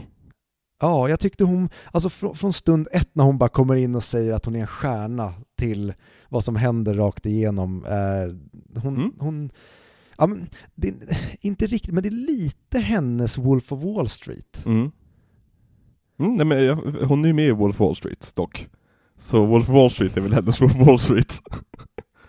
nej men alltså det är hennes Wolf of Wall Street, ja. alltså att det är Leo. Jag, försöker, jag glömde bort att Brad Pitt var med i Babylon. Du, det är sjukt, det gjorde jag med när jag berättade för Becka vad den handlade om. Ja. Sen hon bara, men inte Brad Pitt med det? Jag bara, just det, det är han ju. Ja, och han är jättebra i den filmen också. Ja. Det, ja. Okej, min vinnare eh, i bästa kvinnliga huvudroll är Tilda Swinton. Men vad är, mm. vad, är, vad är det jag ser här? Okej, nu kommer Lydia Tarr springandes upp på scenen och knuffar av Tilda Swinton från podiet och skriker ”Det här är min vinst!” Så det är, det är Lydia Tarr som vinner i rollen som Kate Blanchett. Ja, jag trodde hon hade åkt till Thailand. Ja, ja nej hon, hon, hon var i Thailand, eh, men sen så kom hon tillbaka för att claima det här priset. Nej, Kate Blanchett vinner. Alltså, här, Jesus fucking Christ Victor. Alltså, ja, det, det kan vara den bästa kvinnliga eh, skådespelarinsatsen jag någonsin sett. Ja, den är helt otrolig. Alltså jag tycker, Alltså ni som inte har sett Tar för att ni tänker att så här, ja, men den är väl rätt tråkig. Nej, alltså Kate Blanchett är typ hon, hon behandlar varje dialogscen som att det vore en actionsekvens typ. Hon gör så jävla mycket fysikaliskt i den här filmen. Och bara scenen när hon mm. rantar ut över, över den där eh, BIPOC-studenten. Alltså, ja. ja, mm, nej. Kate Blanchett vinner för mig. Hon vinner ju bara för att hon går dina ärenden, fast omedvetet. Exakt. Precis. Men okej, manliga huvudroll. Varför nomineras här? Min nominerade i den kategorin är Brendan Fraser i Valen. Mm Bill Skarsgård i Clark. Kul. Colin Farrell i The Banshees of Inisherin. Inte i The Batman då? Nej, ja i och för sig, han är ju huvudrollen där. ja. Okej okay då. Det är Pen Penguin-serien har ju börjat spelas in nu. Så den kommer ju bra på riktigt. Ja, typ det jag är minst intresserad av att se mer av i den där Batman-filmen. Ja, men jag kommer fortfarande se den. Du, det lär man göra. Ja. Sen har vi Paul Mescal i After Sun. Mm -hmm. Och sen har vi Diego Calva i Babylon. Sen har vi Jared Butler, höll jag på att säga. Austin Butler Plane. i Elvis. ja, Jared Butler i Plane och vinnaren är Jared Butler i Plane. Ja, i alla kategorier. Han bara flyger rakt in och, nej okej. Okay. Eh, eh, eh, Gerald Butler, vad, vad sa jag? Austin Butler i Elvis. Austin Butler i Elvis och även eh, Gabriel Labelle i The Fablemans. Jävlar vad du har kategoriserade. Nominerade med Ja, det är en, två, tre, fyra, fem, sex, sju stycken för att jag tyckte det var så jäkla duktiga killar i år. Men ja. Intressant med Gabriel Labelle också. Ja men, holy fucking shit vad han levererar. Mm. Och han, nu, kanske tycker att han flyger högst, men jag tycker att han flyger högst sett till liksom vad, vad han egentligen står för med gevär från början. Ja. Så tycker jag att han skjuter absolut bäst av alla för att han är en jävla snorunge och mhm. levererar, mm. ja men, helt amazing. Mm. Eh, så det var det. Alltså jag är lite förvånad över att du la till Gabriel Labelle faktiskt. För att eh, jag tänkte att jag skulle vara hipster och lägga till Gabriel Labelle som min första nominerade från The Fablemans. Nej men alltså, han är briljant. Och man ser, ju, mm. man ser ju Spielberg i honom. Det känns som att jag känner den där personen. För att man har ju sett så många oh. intervjuer med Spielberg. Eh, enda negativa med honom genom hela filmen, det är väl egentligen de där fula kontaktlinserna de sätter på honom. Inget jag såg. Gjorde du inte? Åh gud, det, när jag, ja, jag såg det första scenen och kunde inte sluta tänka på det, men som tur var så var hans skådespeleri tillräckligt bra att jag inte brydde mig om det till slut. Eh, sen har jag Brian O'Halloran från Clerks 3, som levererar en av de mest hjärtekrossande monologerna som jag sett på film i år. Eh, som, ja, han, han, gör, han gör ett jättetungt lyft i Clerks 3. Vilket jag aldrig trodde jag skulle säga. jag har Colin Farrell i Banshees of Inish- Inisherin. i Inisherin. Hur uttalar man det? Inisherin. Inisherin, just det. Jag har Adam Driver i White Noise. Som spelar en professor i ett ämne som jag tror att du skulle vilja plugga, Viktor. Eh, som, som också, han har en, en, en vad ska jag säga, en, en Oscarsvärdig scen i filmen där han bara brusar upp och igång och bara typ levererar en monolog i typ 10 minuter som är briljant skriven och briljant levererad av Adam Driver. Men under typ hela resten av filmen är han tillbakadragen och, om man ska använda internetspråk, lite, lite kackad av hans fru. Eh, vilket han skådespelar briljant. Eh, se White Noise hörni, ni kommer bli jättesura på mig, eller jätteglada på mig, beroende på hur vi, vad ni är för personer. Eh, och den sista nominerade jag har är Idris Elba från 3000 years of longing, som då spelar eh, Will Smith. Ja, han slår en annan svart man. Ja, Han, han spelar ande, Aha, okej, okej. exakt. Den här otroligt sorgsna, och, men otroligt mäktiga eh, karaktären som skulle kunna liksom förgöra kungariken med eh, bara knäppa sina fingrar, men som ändå alltid har känt sig fångad. Och han gör det så jävla bra. Och vem är din att han vinnare? har kommit ut som rasist. Är han rasist? Ja, han vill inte att man ska prata om hudfärg. Han vill ju bara att folk ska prata om honom som en skådis och det är ju jätterasistiskt att han inte vill prata om hudfärg. Typiskt vita män. Ja, verkligen. Ja. Usch. Och vem vinner för dig då? Det känns så jävla tråkigt att säga, men det är Brendan Fraser. Är det? Ja, och jag vill inte prata om The Whale förrän du har sett The Whale, så jag kommer inte säga så mycket mer än så. Vi skulle ju eventuellt kunna köra en Patreon-special när jag väl har sett den. Eller så väntar vi tills vi kör Darren Aronofsky på main-feeden, för det vill vi ju båda göra. Ja, men när fan kommer hans nästa film nu då? Jag behöver inte para ihop det med nästa film, nödvändigtvis. Det är ju rätt, eh, rätt få filmer, så det kan vi bara bränna av i ett mellanrum. Ja, eller så kör vi en liten recension av den i nästa avsnitt som vi spelar in, där ehm, vi kanske inleder avsnittet med. Och min vinnare är Idris Elba från 3000 years of longing. Mhm. Mm. Det, jag, jag tyckte han var briljant. Eh, han gör en skådespelarinsats jag aldrig sett Idris Elba göra förut. Och på något sätt, och tolka det här korrekt, den påminner lite grann om hans insats i Cats. Fast på ett bra sätt. Va, jag förstår inte vad du menar, han är jättebra i Cats. Ja, alltså de har ju på, på sig ungefär lika, lika mycket kläder i Cats som i 3000 years of longing. Så det, det är väl det jag tänker mest på kanske. Nej men Idris Elba är Mm. jättebra, jättebra. Eh, se 3000 years of longing. Det, ni, ni kommer vara förvånade. Då får vi ta och göra det, eller hur gänget? Ja! Okej. Ska vi prata om bästa produktion? Du, det kan vi göra. Hur tolkade du den här, den här kategorin för övrigt? Alltså jag utgick ju från typ production design. Ja, alltså det var lite grann så. Jag, jag om man ska sammanfatta produktion så är det väl pengar på skärmen. I mina ögon. Mm. Ja. Mm. Kläder, frisyrer, scenografi. Ja, och mina nominerade är Don't worry darling, Okej, kul. Tar Mhm. och även Babylon.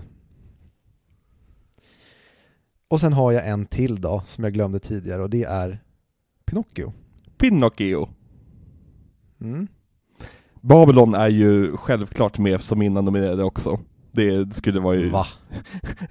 Ni känner mig vid det här laget. Hur ska, jag, hur, ska, hur ska jag kunna se en film som Babylon och inte bli totalt kär i den? Uh, Men hur, det, det, vad säger man?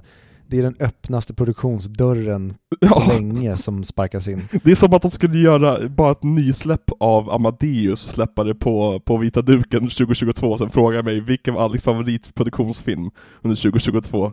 Ja, det är den med mest produktion antagligen. Mm. Uh, nej men jag älskade Babylon, varenda scenografi. Uh, uh, uh, sceneri, förlåt. Västfronten är också nominerad för mig här. Jag tycker att mm. det hade otroligt produktionsvärde. Uh, The Northman. Mm.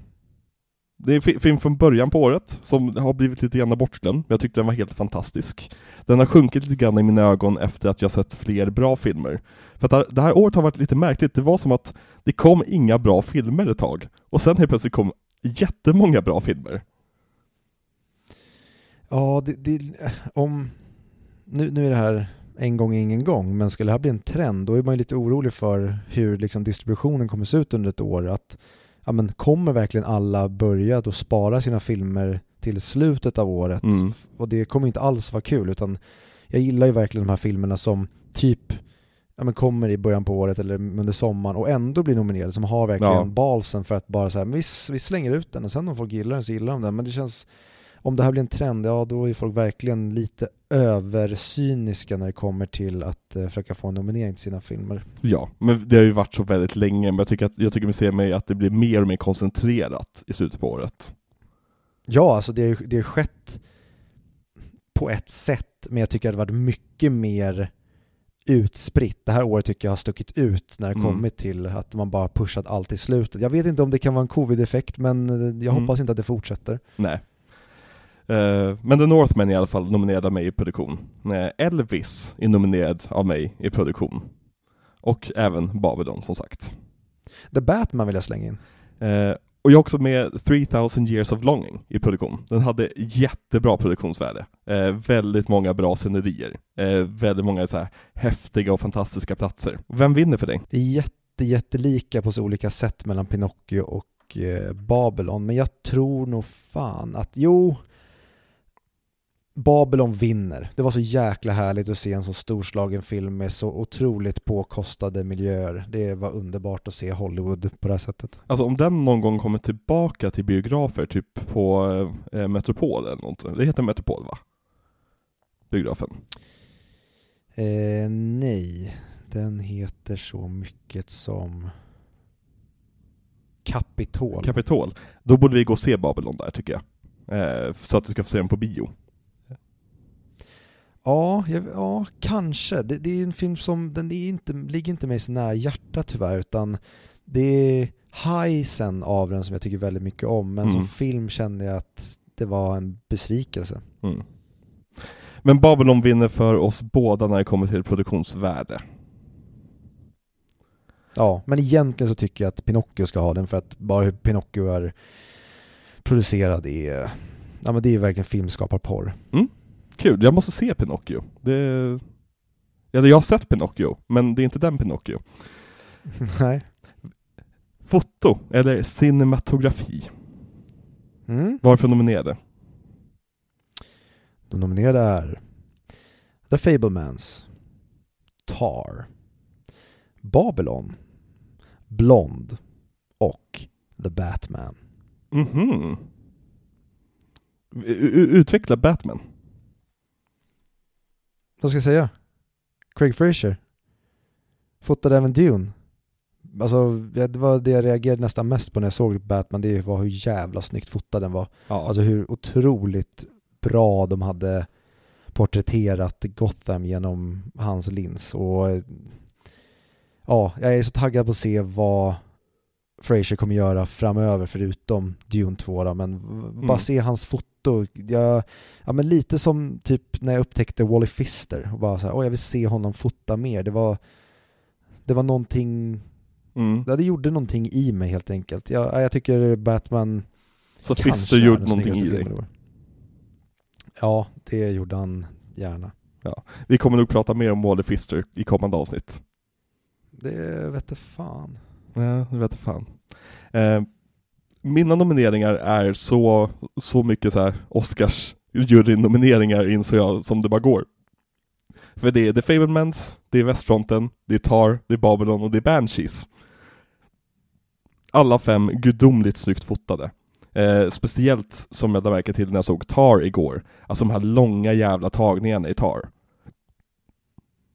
Mm. Fantastiskt foto. Västfronten, det, det, är en film som jag trodde att jag skulle tycka var tråkig och störig mest. Men den fick de här två timmarna och 20 minuterna bara flyga förbi. Eh, men Banshees framförallt. Alltså det, och det kan jag säga på en gång, det, det är min vinnare, Banshees. Eh, jag tyckte att den var jättevackert fotad. Alltså speciellt hur den lyckas fånga de här irländska miljöerna på den här lilla, lilla ön utanför Irlands kust. Eh, mm. du, hade, du hade inte nominerat den? Nej, jag tycker inte att den är så, alltså, jag tycker fotot är jättebra, men för mig var det inget spektakulärt. Jag gillar ju när, när, när det hugger till igen och jag tyckte ja. den, var, den var jättebra, men den var jätteförväntad. Alltså så, det var ingenting som mm. jag satt och verkligen wow, wow, wow. Vilken vinner din eh, foto? Hmm.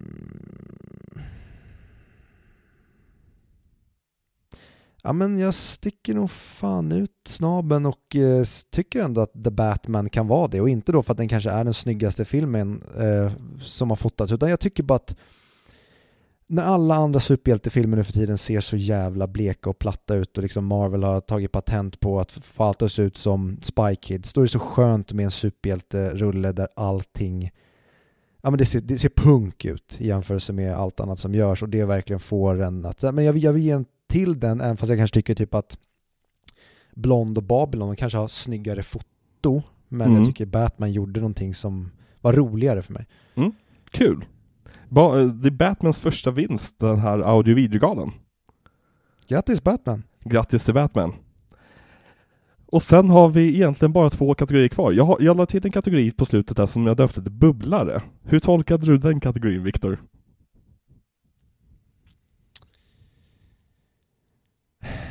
Alltså egentligen så är alla kategorier bubblare för mig, eh, eller så här, alla nominerade är bubblare för ja. mig för att det dyker alltid upp sådana som man kanske tycker vinner men som ändå har någonting som, man, som är värt att prata om. Mm. Så att jag har inga bubblare alls, utan bubblarna har dykt upp i de andra kategorierna för mm. mig. Det, det jag menar med bubblare var egentligen så här, filmer som jag tyckte var intressanta och tyckte, filmer, filmer jag tyckte, tyckte var bra, men som kanske inte fick någon nominering av mig. Men som jag ändå vill nämna. Eh, och det jag skrivit upp för mig, det är först och främst White Noise, den jag varit inne på lite grann. Se den bara. Eh, Clark, miniserien för Netflix. Eh, helt underbar. Eh, jätterolig 70-tals, eh, och vad är det, 60 och 70-tal? 80-tal va? Eller är det bara 70-80?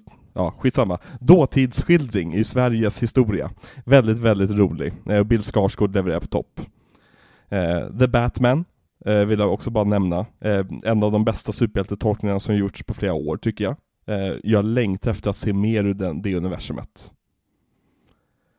Och sen mm. också Speak No Evil, som jag tyckte var jätte, jättebra. Jag vet att du inte alls tyckte om den lika mycket som jag gjorde. Eh, kan vara för att jag hypade upp den för mycket för dig, men eh, jag, jag, tyckte att den var, det var en riktigt hemsk skräckfilm på ett sätt som jag tyckte väldigt mycket om. Jag gillar när det är människor som är liksom, det onda och hemska i filmer istället för som övernaturliga saker. Och den här filmen levererade den biten i, i eh, ja, stora lass. Mm. Men jag kan ta några bubblare då, eh, mm. några som Just och sen Avatar 2 exempel... också, men den har vi redan pratat så mycket om. ja. Mm. Eh, nej men jag kan rekommendera bara se Fresh, tyckte jag var en eh, fresh film att se. Den lite kul, alltså mm. inget mästerverk på något sätt, men en härlig romcom som ja, tar en tydlig twist. Sen även uh, The Crimes of the Future som har dykt upp några gånger, vi har pratat om i podden. Um, ja, och det är väl egentligen de bubblarna egentligen har. Jag tyckte om um, Chip and Dale, uh, den här ny, nya filmen som gjordes som är lite, vad heter det, Roger Rabbit-stuk mm. på. Nya Piff Puff-filmen alltså. Ja, precis. Mm. Den tyckte jag mm, men var härlig. Mm. Väldigt meta va? Typ det. Ja, absolut. Ja. Om du hade fått en så här, bästa animerade filmkategori, hade den varit med där då? Alltså jag vet inte hur många animerade filmer du har sett?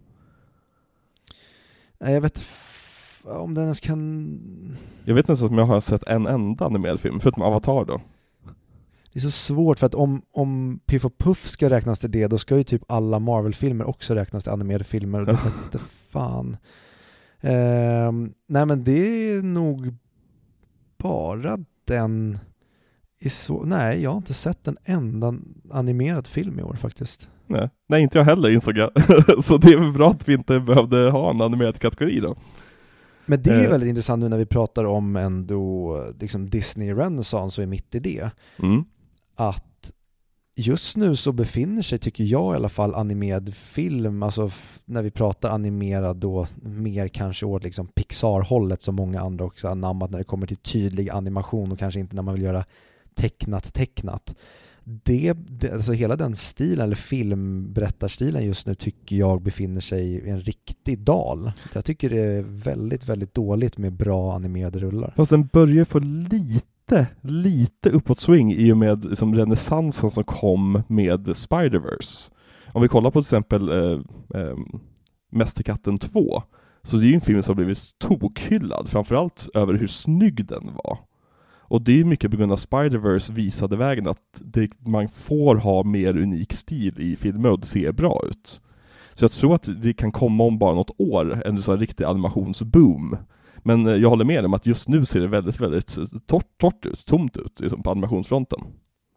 Mm, jag såg eh, trailern, nu gjorde, ska de göra en Teenage Mutant Ninja Turtles-film i Mm. eh, Spider-Verse-stilen och jag älskar Teenage Mutant Ninja Turtles alltså mer än det mesta för att det har varit en stor del av min barndom och jag borde egentligen älska när de ska komma med en sån film i den stilen för jag tyckte så mycket om Into the Spider-Verse men det kändes så jävla tråkigt. Det kändes verkligen Tyvärr så skrek den woke. Det var bara det jag kände. Det kändes väldigt barnsligt. Jag tyckte det, det kändes inte alls som att de hade förstått vad, vad som var bra med Spider-Verse Mm. utan det kändes som att nu kapitaliserar vi på den här stilen som tydligen har blivit lite populär nu snarare än att vad var det som var bra med Spider-Verse? Jo men det var ju vad filmen gjorde, inte hur filmen såg ut. Det var ju bara en super, vad säger man, bonus eller en bra merge av två grejer. Mm.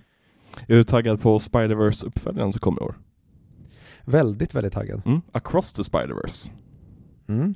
Och sånt gör ju mig alltid glad, när filmer hämtar Beatles titlar eh, och använder dem som sina titlar till filmen. Eh, Glass Onion hade ju premiär förra året. Det var lite av en besvikelse för mig. Jag gillade ju Knives Out så jävla mycket. Ja, Knives Out är typ, ja men det- det är verkligen en Who Done It uppe på den absolut högsta hyllan men Ja. Glass Onion var en riktig jävla prutt. Mm. Ska vi köra sämsta film då? Du, eh, det kan vi göra. Mm. Vilka är dina nominerade? Hmm. Det här blir man lite ledsen av att man, jag vill ju inte, jag gillar ju inte att vara negativ, ska jag? Det märks inte. Eh, men mina då nominerade till sämsta filmer i år är då Thor, Love and Thunder, Mhm, Don't Worry Darling, mhm. Triangle of Sadness, Nope, Fletch, Bullet Train och Top Gun. Bullet Train, vad intressant. Hatade du den så mycket? Nej, men den ligger i botten. Så här, Ehm, ser du inga riktigt dåliga filmer? För att här, ha Top Gun på bland dina sämsta också känns lite så här. Jaha, en, en 3 av 5 film? Ja, nej men det är inte en 3 av 5 film tycker jag. Ja, okej. Eh, men med det sagt så, Ja. alltså Top Gun är fortfarande för mig, det är inget botten, och jag, egentligen, jag glömde lägga till en film som jag också har sett efter, men det är alltså Women Talking som eh, ska in på den här listan också. Mhm. Men egentligen, det, det lägsta poänget som en film har på den här listan, det är 2 av 5. Okej. Och för mig är 2,5 av 5 godkänt, så det finns inga haverier. Skulle Nej. jag ta den, det, den serien som jag sett som är det sämsta som är nere på en och en halv tycker jag, det är ju Obi-Wan Kenobi-serien. Du har glömt Den en tycker film. jag. Jag vet att du har glömt en film. Mhm. Du har glömt The Secrets of Dumbledore. Oh shit, den har jag inte lagt in i min två- 2022-lista. Nej. För att Ja den, men då, där har vi det. För den är nämligen med bland mina nominerade. Mina nominerade är Don't Worry Darling, som jag hade, jag hade lite ångest över att jag la till det på listan för att det finns så mycket där jag tyckte om. Men jag tycker att det är ett sånt misshandlande av det, ett väldigt intressant koncept, att den är typ oförlåtligt mm. dålig. Um, Choose or Die, en Netflix-film jag såg som handlar om ett videospel man spelar så dör man. Uh, den, den var, det var mm, typ ett av fem. Uh, Pinocchio. Och inte Guillermo de Toros version, utan en annan mästerregissörs version. Uh, Robert Zemeckis. Och där verkar ju hela världen vara överens om att den är usel. Ja, den var, den var... Om man säger så här. I Elvis så är Tom Hanks välbalanserad och bra skådespelad jämfört med vad han gör i Pinocchio. I'll just leave it at that. Uh, Secrets of Dumbledore. Uh, det, ni har ett helt avsnitt där vi ser den i realtid och typ glömmer bort att vi ser den i realtid. Uh, ni kan lyssna på det om ni är patrons, men bedrövlig film. Men den absolut sämsta mm -hmm. filmen det här året för mig är Black Adam. Oj! Och den har jag pratat om tre veckors tid på main-feeden, eh, helt omedvetet. Nej men jag tyckte, jag tyckte den sög, den sög så jäkla mycket, och jag hatar liksom varenda, äh, varenda alltså Dwayne The Rock Johnson ville inte vara där, känns det som. Vilket är så märkligt, för allt man läser om den filmen är att det var hans passionsprojekt. Men så känns det bara som att han är filmad mot en green screen på typ hans off-dagar. Jättekonstig film, och väldigt förutsägbar och den använder sig av tropes som varit döda i typ 20-30 år snart. Med så skatande eh, tonårskillar med bakåtvänd keps som ska vara häftiga. Det är som, den, eh, nej, den sög. Så den vinner min sämsta film. Jaha. Och vem vinner för dig? Ja, egentligen är det ju Secrets of Dumbledore, för ja. det är... By default. Ja, men om jag då, i och med att jag hade glömt bort den, så dålig var den, så tycker jag Ja men nu, nu svär jag i kyrkan här för jag har sett väldigt många som tycker om den här men alltså Women Talking det var, det var bland det plattaste, tråkigaste och ibland stundtals det var det kändes som en, ett skolprojekt, som att det var typ en filmskola som hade gjort den stundtals. Det var, de hade med green screen i den, för hela filmen typ utspelar sig i en lada. Mm -hmm. Men när de filmar ut från en stor typ lad, jag vet inte vad det heter, men det är liksom en våning upp där man kastar ut hö ifrån. Ja. En stor så här, dörr öppen. Hökastarhålet. Den greenscreenen på ett fält som är bak... Vad sa du? Ja, exakt det var alltså jätte... Och det var så här, va? Varför behöver ni ens ha... Kan ni inte bara fixa en lada där ni sitter på riktigt istället? Det ser för jä... Eller det kanske inte ens var en green screen, det kanske bara var pissigt ljus. Jag vet inte. Mm. Men det känns ju som en sak man inte greenscreenar. Det känns som en väldigt billig och lätt sak att fixa, en lada. Ja, verkligen. Och Nej, den, den kändes så meningslös, för de satt, ja den heter Women Talking och det, jag visste att det, det, skulle vara kvinnor som pratar, men inte att det skulle vara så pubertalt utfört, för att skådespelet mm. i den är verkligen två personer sitter och pratar i en lugn och sansad ton och sen är det någon helt plötsligt av kvinnorna som börjar skrika bakom bara så I don't wanna stand and fight, I wanna flee! Och då alla bara vänder sig om så här, varför, varför, vad händer? Varför är du så hyst... Som, vad heter hon? Eh, Lisa säger i The Room. Why mm. you so hysterical? Och det är verkligen ja. så det känns. Och det pågår genom hela filmen, där typ de kommer till det känns som att de möts någonstans i sin diskussion om så här, vad ska vi göra? För att det handlar om så här, ska vi mm. stanna och leva i det här, eh, eller fightas mot de här misogyna männen, eller ska vi lämna som starka kvinnor och starta någonting nytt på en annan plats? Och så hela filmen är en diskussion om det.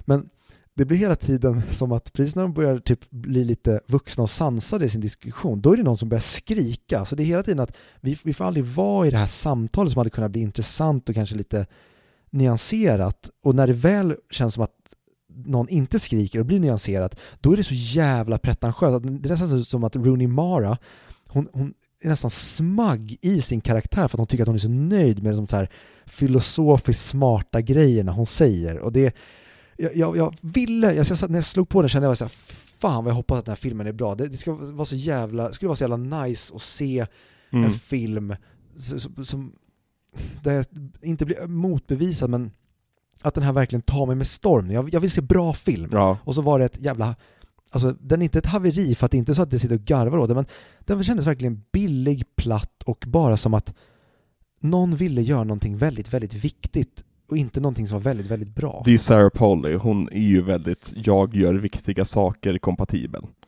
Mhm. Eh, men intressant att du har tre stycken filmer som är nominerade för bästa film i din bästa, i sämsta filmkategori.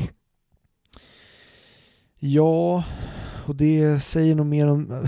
Jag börjar bli en sån jävla grinig gubbe i den här samtiden känner jag, men alltså tyvärr, Women Talking, det, det, det är nästan så här, den, den sista pilen i Boromirs bröst av Lurtz när han inser, eller när man bara så här, Oscarsgalan är Boromir och Oscarsgalan är död. Han återhämtar sig inte från det här, tyvärr. Och det, det, behöver ske någonting med Oscarsgalan för att det inte ska vara så Mm. jävla politiserad. Eh, men Triangle of Sadness, den, den, den vi pratar om in absurdum. Eh, Ja. men sen när vi kommer till Top Gun, det är inte att jag tycker att det är den sämsta filmen, jag tycker bara att den, den är sämst till hur hyllad den är. Och Ja. den, den ligger ganska, alltså den är inte ens på min bottom 10 egentligen, jag tog, tog bara med den som en den, den, den, den sitter som en gren i mitt öga känner jag av att jag, jag, jag, jag vill på något sätt försöka hitta någon slags harmoni med samtiden men Top Gun och de här filmerna som jag nämnt, de får mig att känna att jag vill ställa mig upp och slå ett, ett, ett barn. Okej, okej bara det, det, det, låter som att du måste sluta vara negativ. Ska, ska vi bara gå över till, till den positivaste kategorin istället? Bästa film. Att slå barn. Ja.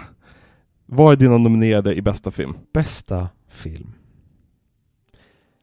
Nominerade är Men. The Fablemans. Blond. The Batman. The Menu och The Banshees of Inisherin. Intressant att du hade män på den listan. För det är en film som jag inte, jag har inte hört ett enda gott ord om den filmen. Nej, och jag förstår, det, det hade inte gått i något universum att nominera den till bästa film på en Oscarsgala. Nej. Okej, varför inte? Ehm, nej, men det, det bara så här, det, det, den passar sig inte där. Det, för det första, det, det är typ en rysare. Ehm, men också samtidigt, ett psykologiskt drama som jag förstår varför så många ogillar den. Ehm, och jag, jag, det, det är bara en film som är ride up my alley och den har en, en scen på slutet som är en, en metafor som den visas upp på ett så jäkla obehagligt sätt. Alltså Mm. lite som klimaxet i ehm, Annihilation, Mm. fast i, i en helt annan riktning. Men den, den, den får nog bara sitta och vilja titta bort, men det går inte för att det, det, det, är någonting jag i alla fall inte har sett på film tidigare och det, man sitter och funderar på vad, vad, vad betyder det här egentligen? Vad, vad, vad sker det här? Eller sker, det är den, den, den är konstig på så Mm. många sätt den här filmen och jag älskar den. Kul. Nå någon annan film bland dina bästa filmkategorier eh, nominerade som du kände var lite av en överraskning för dig? Eh, inför året, The Batman, alltså Mm. verkligen. Jag hade inte förväntat mig att jag skulle tycka om den så otroligt mycket och Ja men lite, nej inte alls lite som Women Talking men här, när, när, jag, när jag hoppades med Women Talking att jag skulle tycka om den, med Batman har det blivit nästan lite som att men framförallt med Bat- Batman vs Superman och Justice League att jag älskar ju Batman så mycket men jag är så ledsen över att se Batman inte funka och därför var jag så rädd och Mm. jag kände på förhand att nej men det här ser inte så jävla bra ut, det här känns konstigt. Varför, vad, vad, vad ska vi med den här filmen till? Vi har ju precis gjort en Batman-rulle med Ben Affleck, varför ska vi göra en ny för? Och sen så kom den bara och ja, första gången jag såg den tyckte jag, oh, nice. Såg om den, tyckte den var riktigt jävla bra och så såg jag om den igen och tyckte bara, fan, det här är ju en av de absolut bästa superhjältefilmerna tycker jag som har gjorts. Mm. Kul. Eh, så den, men även eh, som jag pratade om den tidigare med The Fablemans trodde jag inte Mm. alls att jag skulle tycka om så här mycket som Nej. jag gjorde men det är Den- absolut den en av väldigt- årets bästa filmer. Den är väldigt oviktorig. också på förhand som, som sa, alltså från traden, känns en, känns smörig på ett sätt som du brukar kunna bli provocerad av. Mm, ja men verkligen, min cynism eh, ratade den på förhand och Mm. det fick jag checka upp. Mm. Kul. Ehm, men eh, den största, eller chocken är det verkligen inte, men The Menu är en film som jag länge inte ens visste existerade och sen Mm. så när det är Mark, Mark My Load, jag kan aldrig uttala hans namn utan det låter som, att, som ett porrnamn. Ehm, Uttalar men som som att han, han är en eh, brittisk eh, lord, så eh, passar det bra med hans Game of Thrones-historik också. Mark me Ja.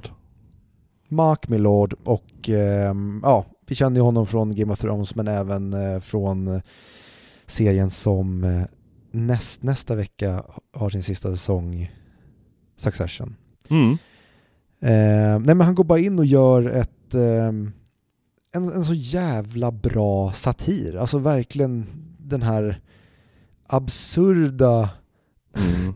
det här absurda restaurangbesöket som hela filmen är och jag förstår folk som hatar den för den, den gör någonting på slutet som nästan är lite som ett fuck you till oss. Ehm, Alltså den här Och- filmen är ju den filmen som Triangle of Sadness vill vara. ja. Ja, The alltså, menu. Alltså. exakt. Så Verkligen. om du, om, så om du såg Triangle och kände att gud vad det här kändes fattigt och överarbetat och underarbetat samtidigt. Bara gå in på, vad, det ligger på Netflix va? The Menu? Nej, Disney Plus. Mm. Mm. Jag vill bara se The Menu, eh, för den är också en, Ja. en av mina nominerade. Men fortsätt. Eh, nej men det är egentligen den jag har någonting att säga om. Blond tyckte Mm. jag väldigt, väldigt mycket om. Eh, den har också blivit, den vann väl, eller i alla fall nominerad till massa Razzies och det tycker jag är det är också ett samtidstecken tycker jag, för att även om man inte tycker att den är bra så är Mm. det så jäkla märkligt att nominera den och det tror jag bara är för att dels den har legat på Netflix så att typ alla, så här, den, den har dykt upp i allas face så att alla Ja. som går in på Netflix och vill se typ Reese Witherspoon romcoms eller någonting, eller alltså som är mer åt det hållet och så ser, slår man på ja ah, det är en film om Marilyn Monroe, fan vad nice, eh, med Ana de Armas som jag sett i James Bond typ. Och så slår man på den och så är det någonting helt annat, att det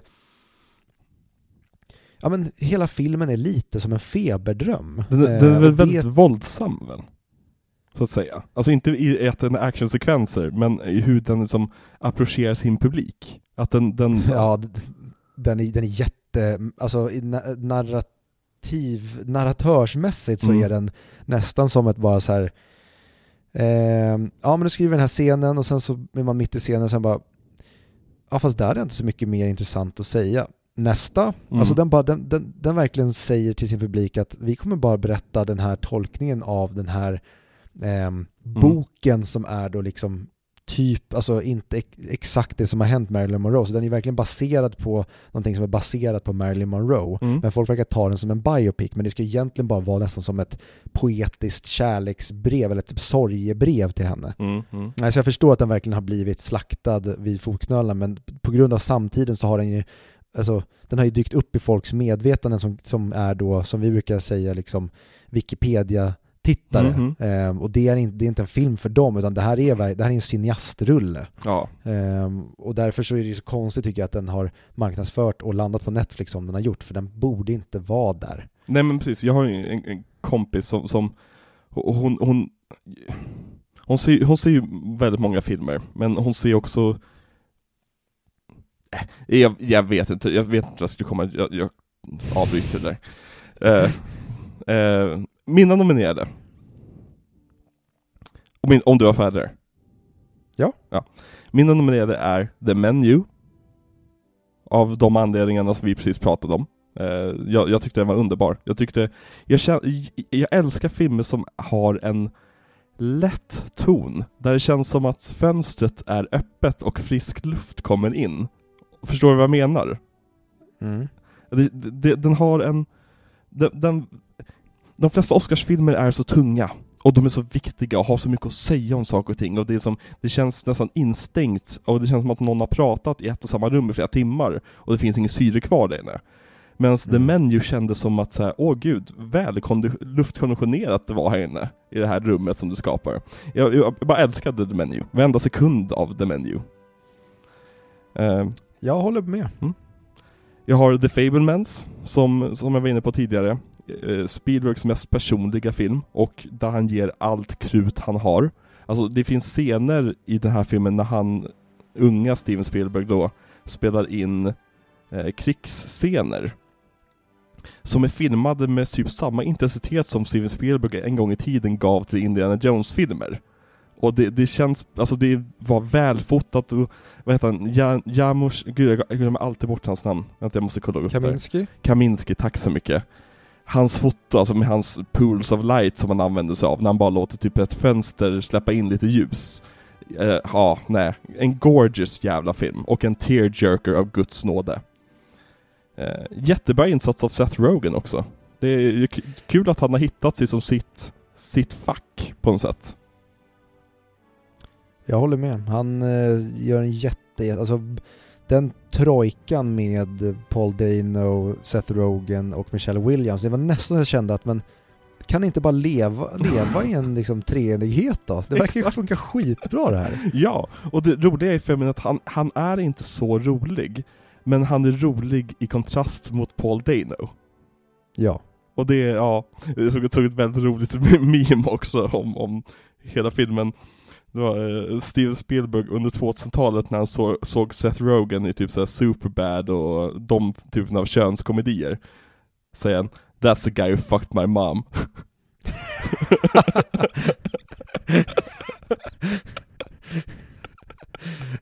yeah. Um, nästa, nästa på listan. Tar, som jag såg igår kväll. Som jag blev helt knockad av. Det är en film jag kommer se om, om och om igen den, den funkar på så många plan, men det är typ som en systerfilm till uh, Whiplash, fast med helt annan energi. Uh, och jag älskar hur de använder sig av gråskala i den filmen, både visuellt och när det kommer till karaktärsmotivationer.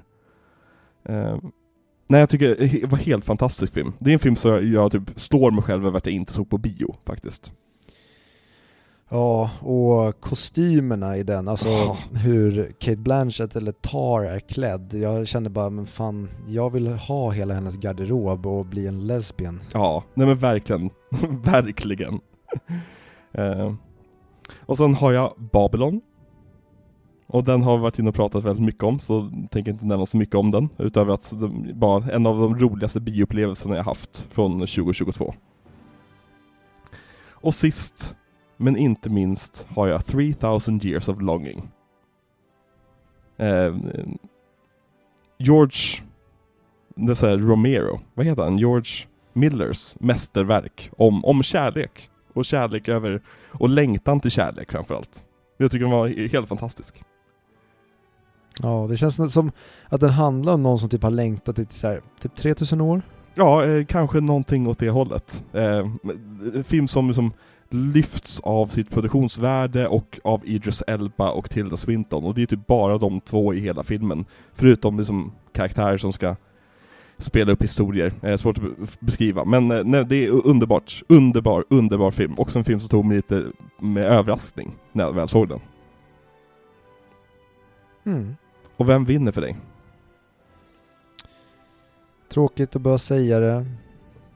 Och det är tråkigt att välja den, men det är The Banshees of Inisherin och vinner inte den Oscarn så eh, då skjuter jag en till pil i Boromir. Och min vinnare är, det är tråkigt att välja den, det är tråkigt att säga det, och vinner inte den här filmen så kommer jag skjuta en till pil i Boromir.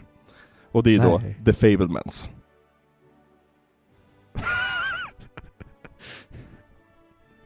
ja, då blir det en pil i Boromir för den kommer ju aldrig vinna. Boromir kommer den aldrig vinna.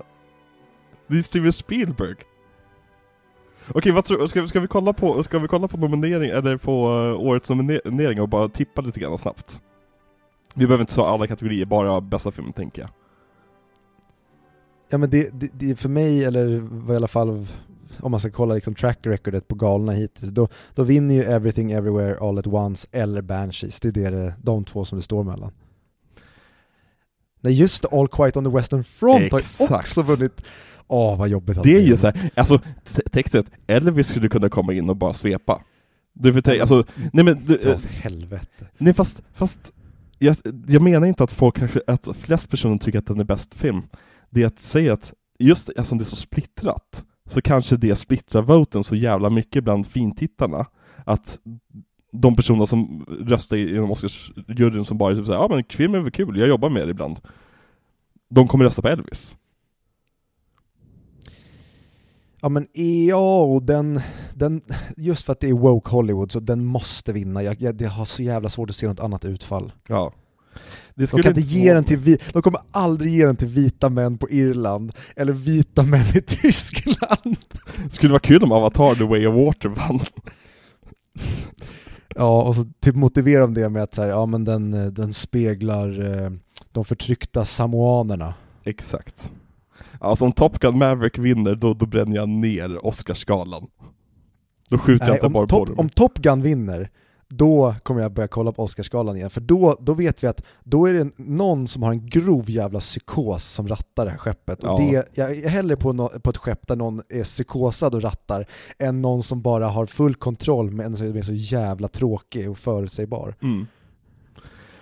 Och det var våran audio-videogala, eh, delen om 2022 års filmer.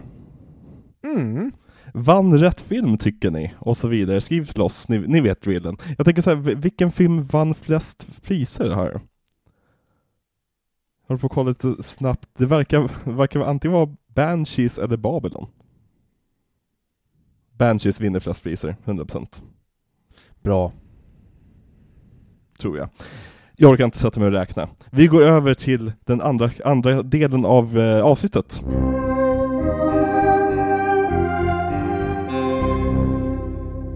Där vi helt enkelt gör samma sak som vi precis har gjort, eh, fast med filmerna vi pratade om i podden under det eh, tidigare året. Mm. Mm. Så det här blir lite grann som en ursäkt för det lite, lite, lite veka ettårsjubileumet vi gjorde i Skyfall-avsnittet. Jajamän. Det finns så mycket i tycker nu- Bond-miniserien vi behöver be om ursäkt för.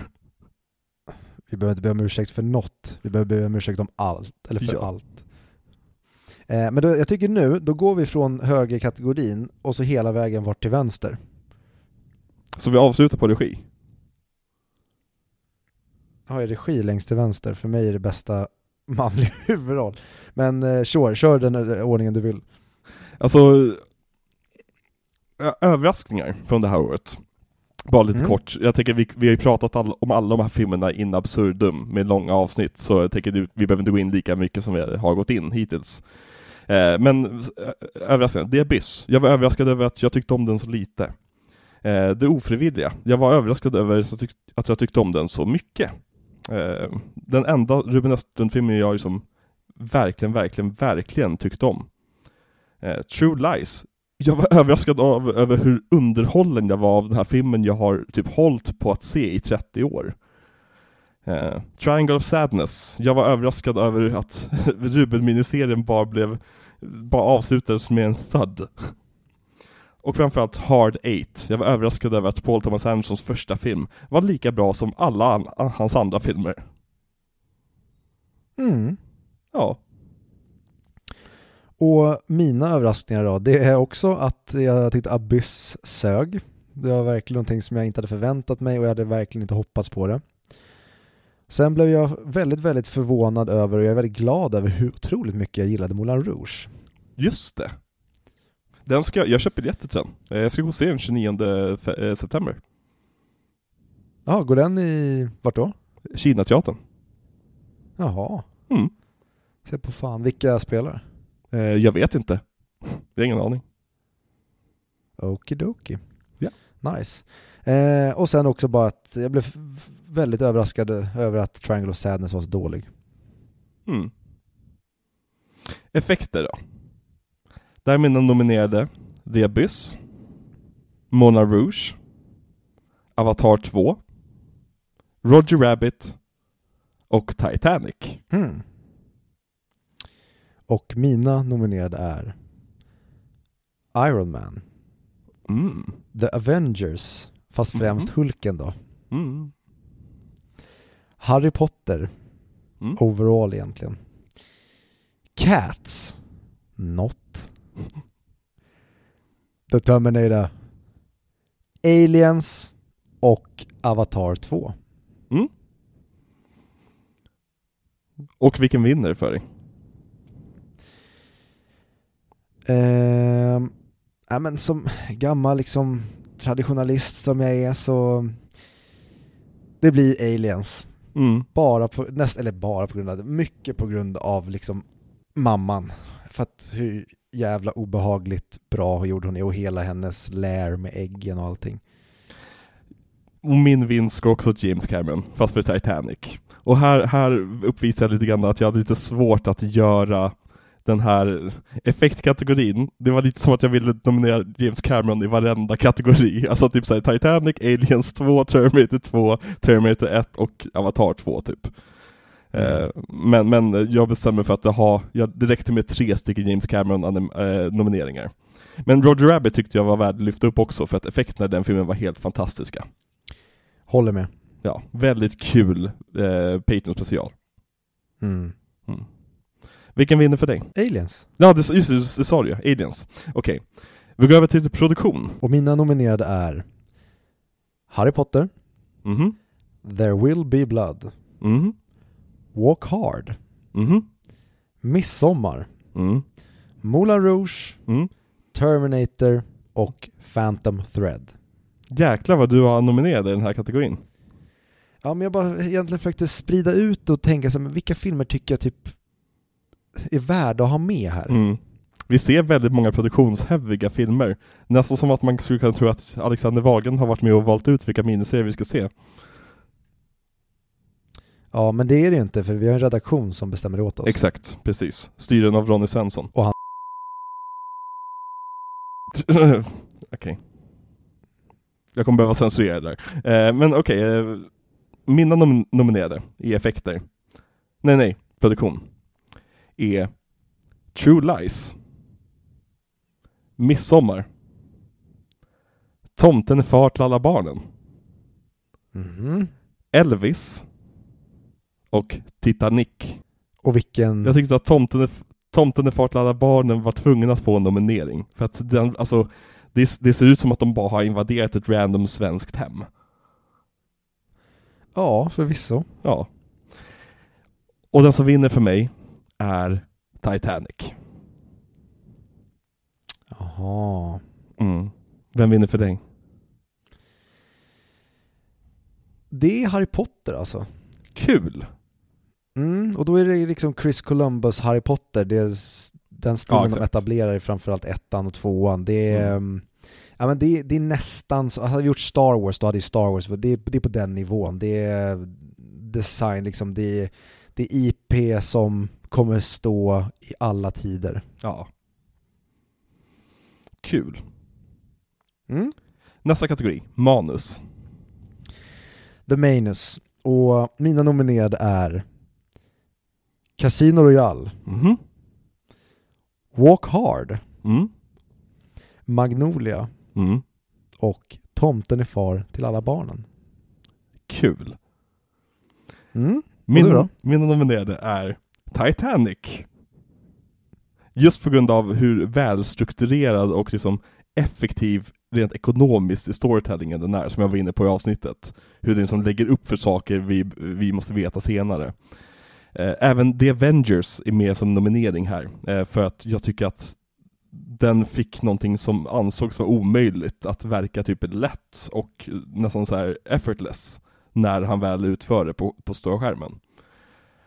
Eh, och sen har vi Magnolia, som är typ ett av de bästa manusen i världshistorien.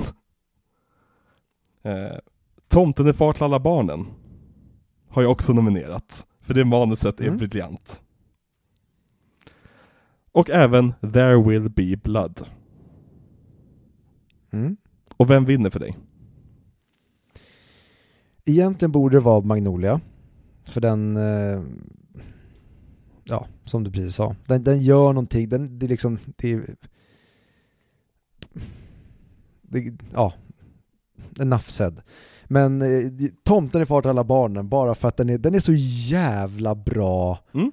Alltså den, den, är- den är verkligen, det, det, det, som vi pratade om, det är en perfekt så här who done it film den, Mm. den är fem av fem på bara hur den är, så här, vad, är vad är det som, vad, kan någon berätta vad det är som händer här? Vad är som, Ja. Vem ligger bakom vad? Och den gör den in i, alltså, perfection. Vem har knullat med Sara?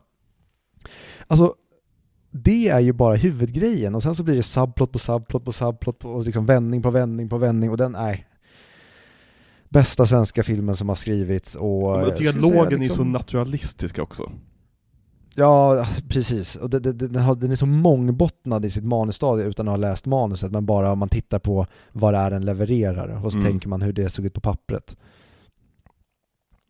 Och min vinnare är Tomten är far till alla barnen. Yay! Just för de an- anledningarna vi precis pratade om. Eh, Jag vill ju ge den, jag vill ju vara seriös här. Jätteseriös va. Och ge den till Magnolia, eller There Will Be Blood, som har två briljanta manus. Men fan i mig, Mm. Tomten far till alla barnen, den, den ger mig så mycket njutning. Varenda line i en bok. Okej, Verkligen. foto. Där har jag nominerat There Will Be Blood, Aliens, Boogie Nights, A Single Man, Midsommar och Phantom Thread. Och de jag nominerat är A Phantom Thread, Midsommar, A Single Man, There Will Be Blood och Titanic. Så vi verkar vara på rätt, rätt samma nivå där. Mm. Får jag gissa att du ger priset till Titanic? Nej, jag ger inte priset till Titanic. Jag ger priset till Oj. den filmen där jag hade typ en halv uppsats i podden om, om vilka linser fotografen använde. There Will Be Blood. Ja, Ja, och jag... enough said, enough said. Alltså, Ja, alltså det... Jo, ja, nej, jag håller med. Alltså jag menar, när, när, när bara fotot i en film får mig att bli så pass intresserad över hur det här fotades, då kan ingen annan vinna, i mina ögon. Nej. Musik. Mina nominerade är Harry Potter, Nocturnal Animals, Mhm. Walk Hard, Mm. Halloween, Mhm. The Terminator och Casino Royale. Alltså det är lite kul att du har med Halloween. Ja men den är ikonisk. Ja, vad ska man säga, varenda track, de tre tracks som finns i filmen är ikoniska. Keep it simple, och så Ja. kommer det vara med i historieböckerna. Keep it simple, keep it safe. Det är Max Martin liksom. Ja. Mina nominerade är Titanic. Konstigt nog. Walk Hard, Midsommar, Elvis och The Phantom Thread. Eller förlåt, bara Phantom Thread. Vem vinner för dig? Mr Patta. Mr Patta!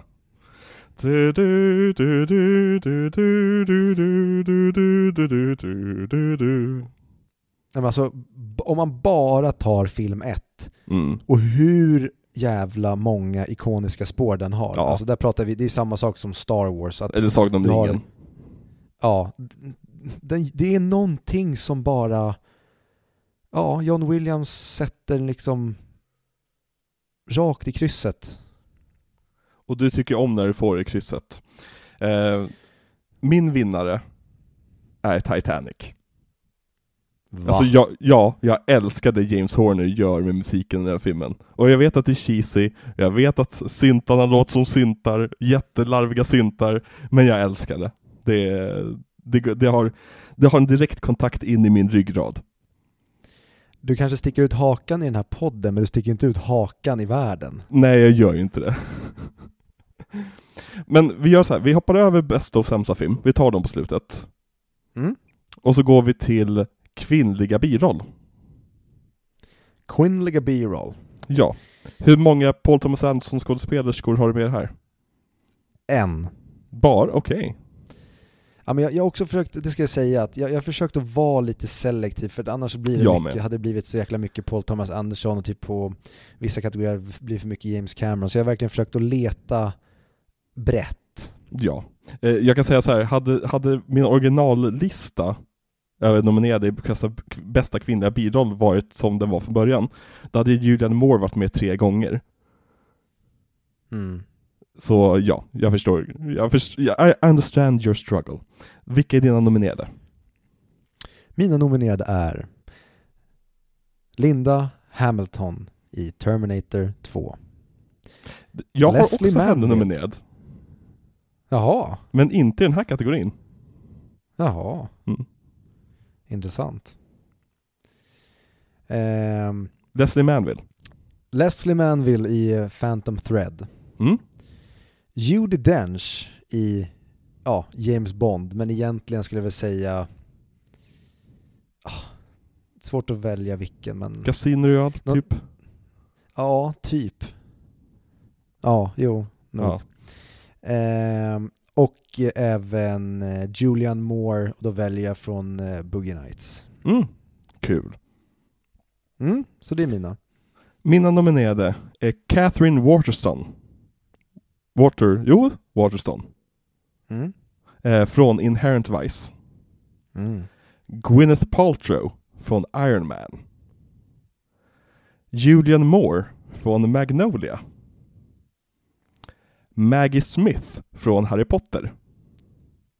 Och Gunned Fred från Midsommar. Ruggigt bra nomineringar. Verkligen. Jag är, jag är rätt nöjd med den också. Listan. Um, jag tycker det är kul, just Maggie Smith, alltså hon glöms bort så jävla, jävla lätt, men hon är så bra som McGonagall. Och det var vi inne på under hela miniserien.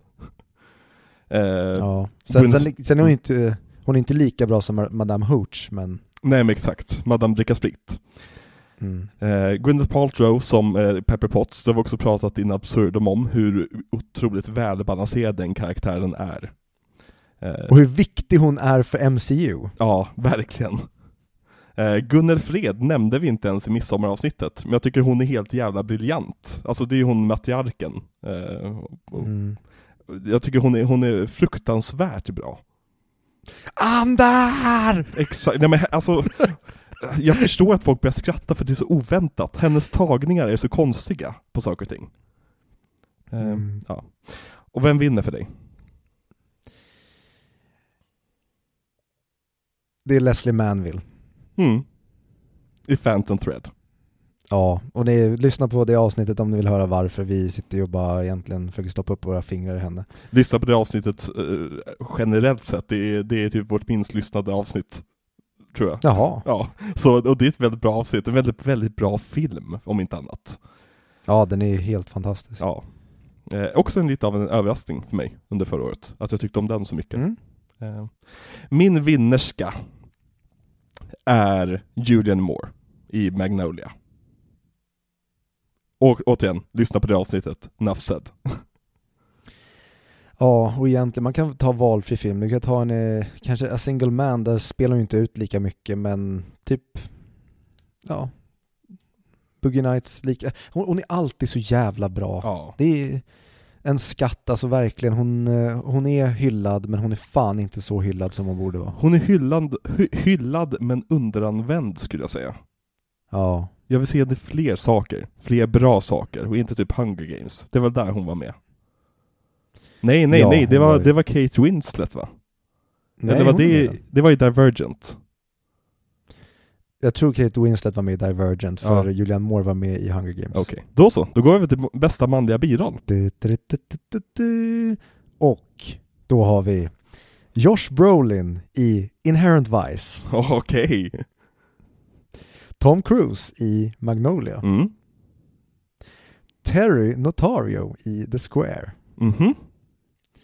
och Danne Ekborg i Tomten i fart alla barnen. Ja, jag har typ glömt bort Tomten far till alla barnen i mina, mina skådespelarkategorier här inser jag. Eh, men eh, kul att du har med honom.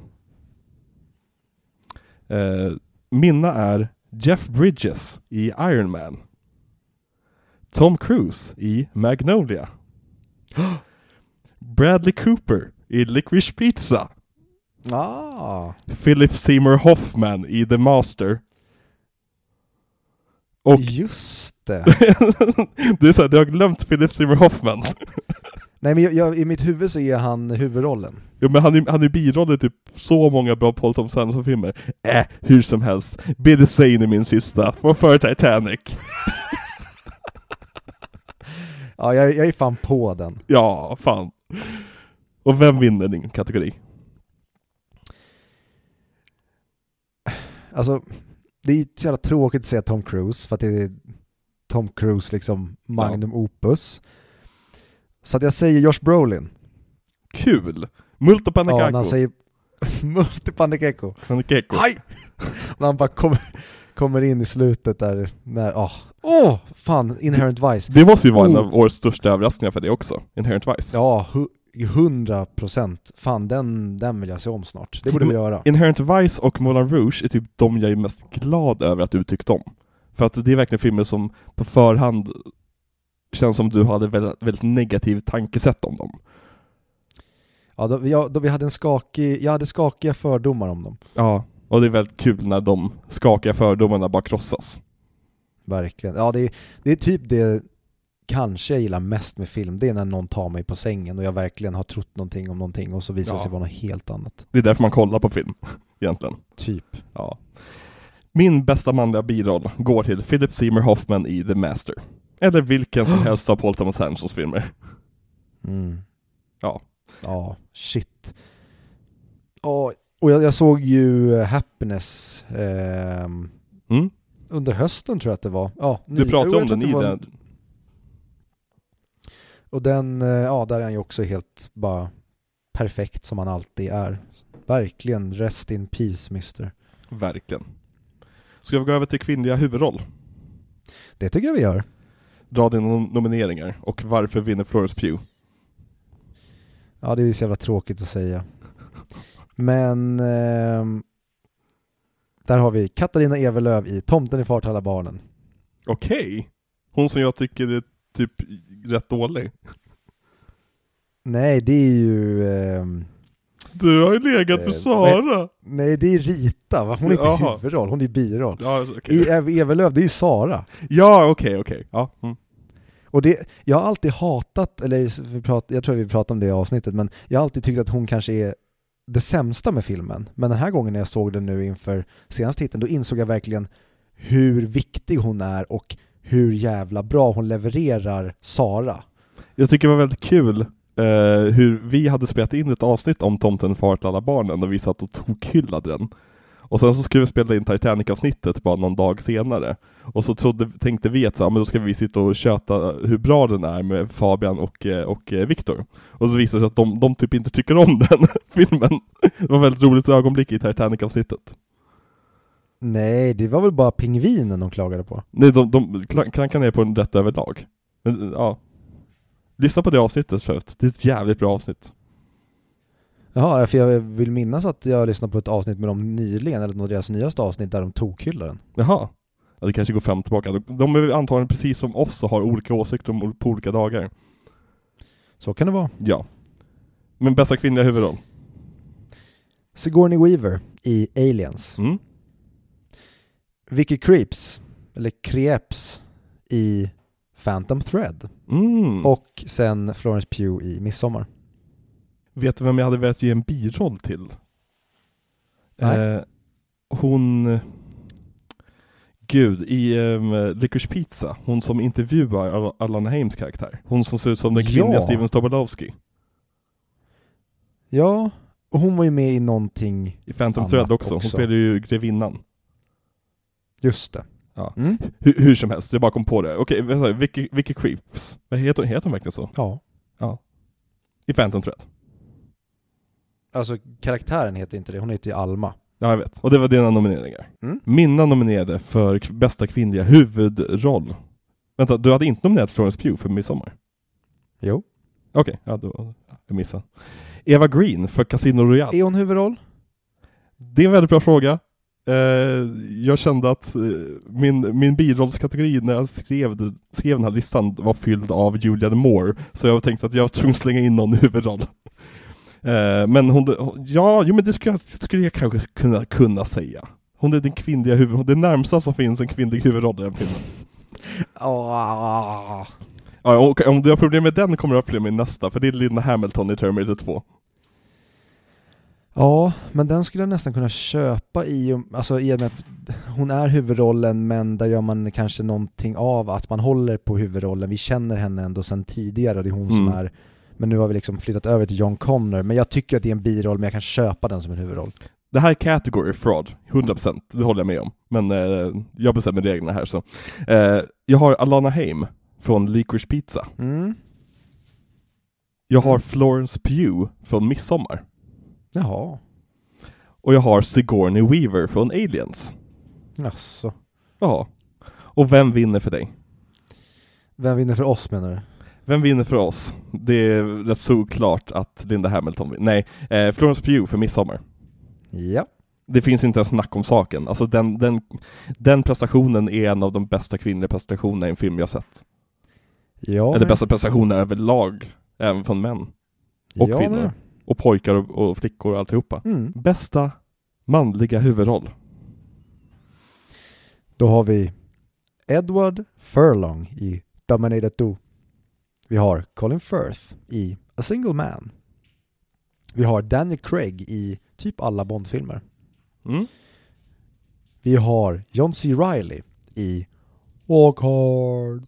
Mm. Vi har Joakim Phoenix i Inherent Vice. Okej.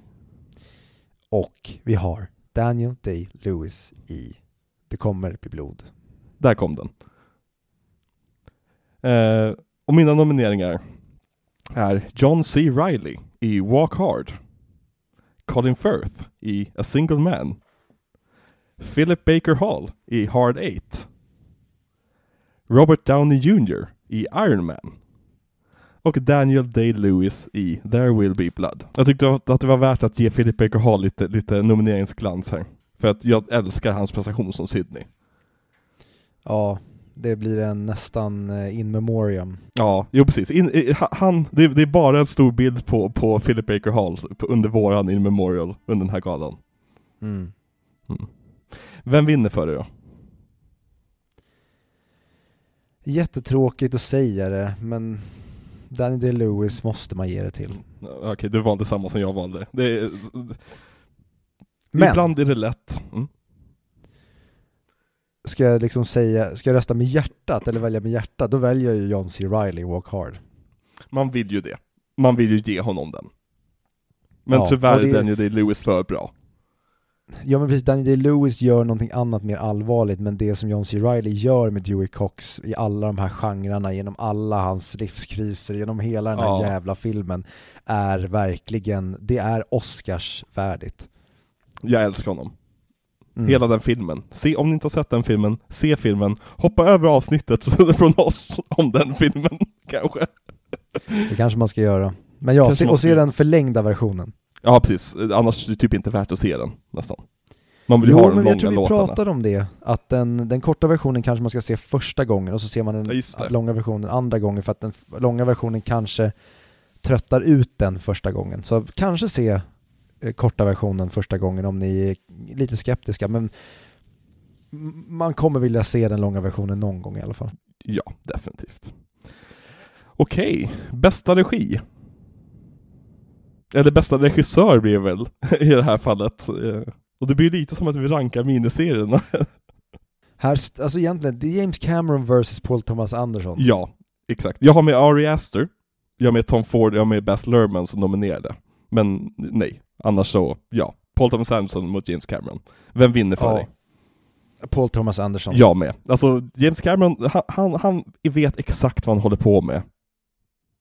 Och han vet hur man, hur man använder sig av en budget. Men Paul Thomas Anderson är en... ha- Han, han är... Han är ett geni. Alla hans filmer är fantastiska på många sätt och vis. Även filmer jag inte tycker om, som typ Punch Drunk Love. Mm. Okej, ska vi gå över till de två sista kategorierna? Och det är då Jajamän. sämsta film. Ja du, ska vi se här. Där har vi den då.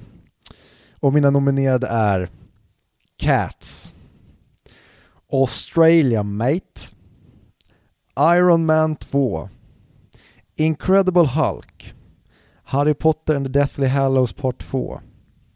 Quantum of Solace och Gitarrmongot. Mm.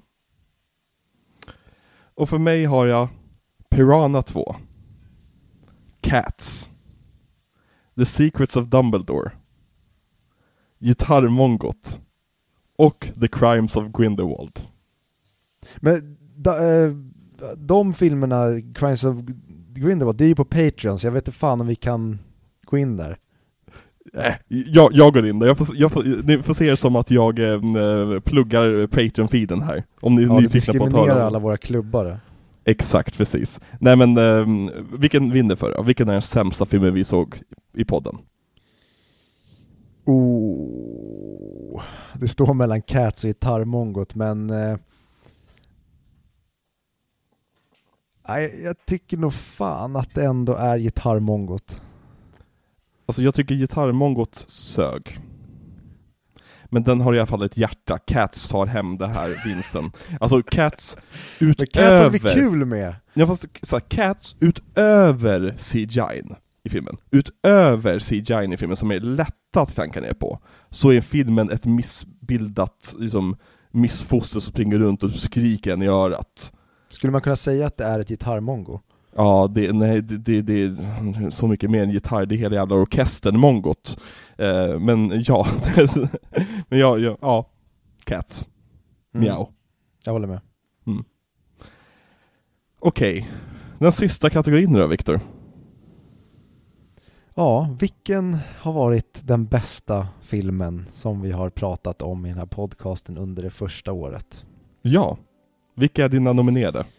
De nominerade är There Will Be Blood A Single Man Phantom Thread The Terminator Midsommar och Tomten är far till alla barnen. Spännande spread på det ändå. Mm. För mig är det Midsommar, There Will Be Blood, Magnolia, Titanic och Aliens. Och vilken vinner för dig? Vinnaren i Audio-videogalans pris för bästa film för filmer vi såg under 2022 och början på 2023. Ja, ett väldigt luddigt kategorinamn. Ja, det här var också del av kategorinamnet. Går till There Will Be Blood. Fan vad tråkiga vi är. Du hade den också. Ja, Ja men det kom vi fram till i avsnittet typ, att det är en av de bästa Ja. filmerna som någonsin gjorts, så då går det liksom inte att bråka med den. Alltså för mig, jag älskar ju Titanic som jag var inne på i det avsnittet. Jag älskar Magnolia, jag älskar Midsommar, jag älskar Aliens. Ingen av dem kommer ens i närheten av det som Be Blood gör. nej tyvärr inte. Men vad kul, då har vi en vinnare, det var There Will Be Blood! Grattis! Vi skickar eh, en påse skridskor till Paul Thomas Anderson. Nej, vi skickar alla våra eh, kopior av klick-DVD vi köpte i förra hösten till Paul Thomas. Anderson. Så det kommer bara dyka Mm. upp en klick-DVD hemma hos honom i veckan de kommande åren. Eh, sen kommer han göra en film om stalkers som förföljer honom. Eh, men okej, k- kul! Det, det, det- det här är lite ova- ovanligt avsnitt. Vi har pratat om väldigt många filmer det här eh, avsnittet. Mm. Men eh, vi fick väldigt mycket, väldigt mycket gjort sen. väldigt många kategorier att prata oss igenom.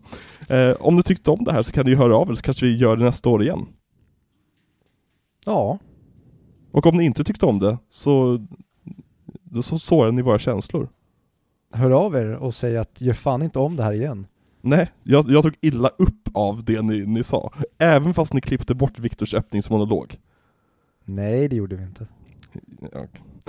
Eh, vad ska vi prata om nästa vecka? Ja, det är alltid lika komplicerat för att vi trodde ett tag att det här skulle komma efter Pocahontas.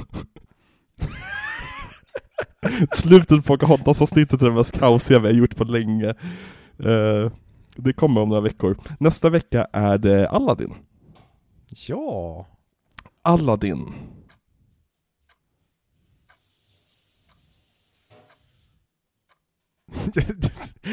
du sa det som att du skulle Aladdin. Nej. Hur avslutar vi det här då? Ehm, Ja, nu har vi väldigt mycket att välja på här. Ja, fast vi har typ ingenting som börjar på H. Harry Potter. Okej, vi drar till med en Harry Potter, det är ändå Audiovideogalen. Ja. Okej. Harry Potter.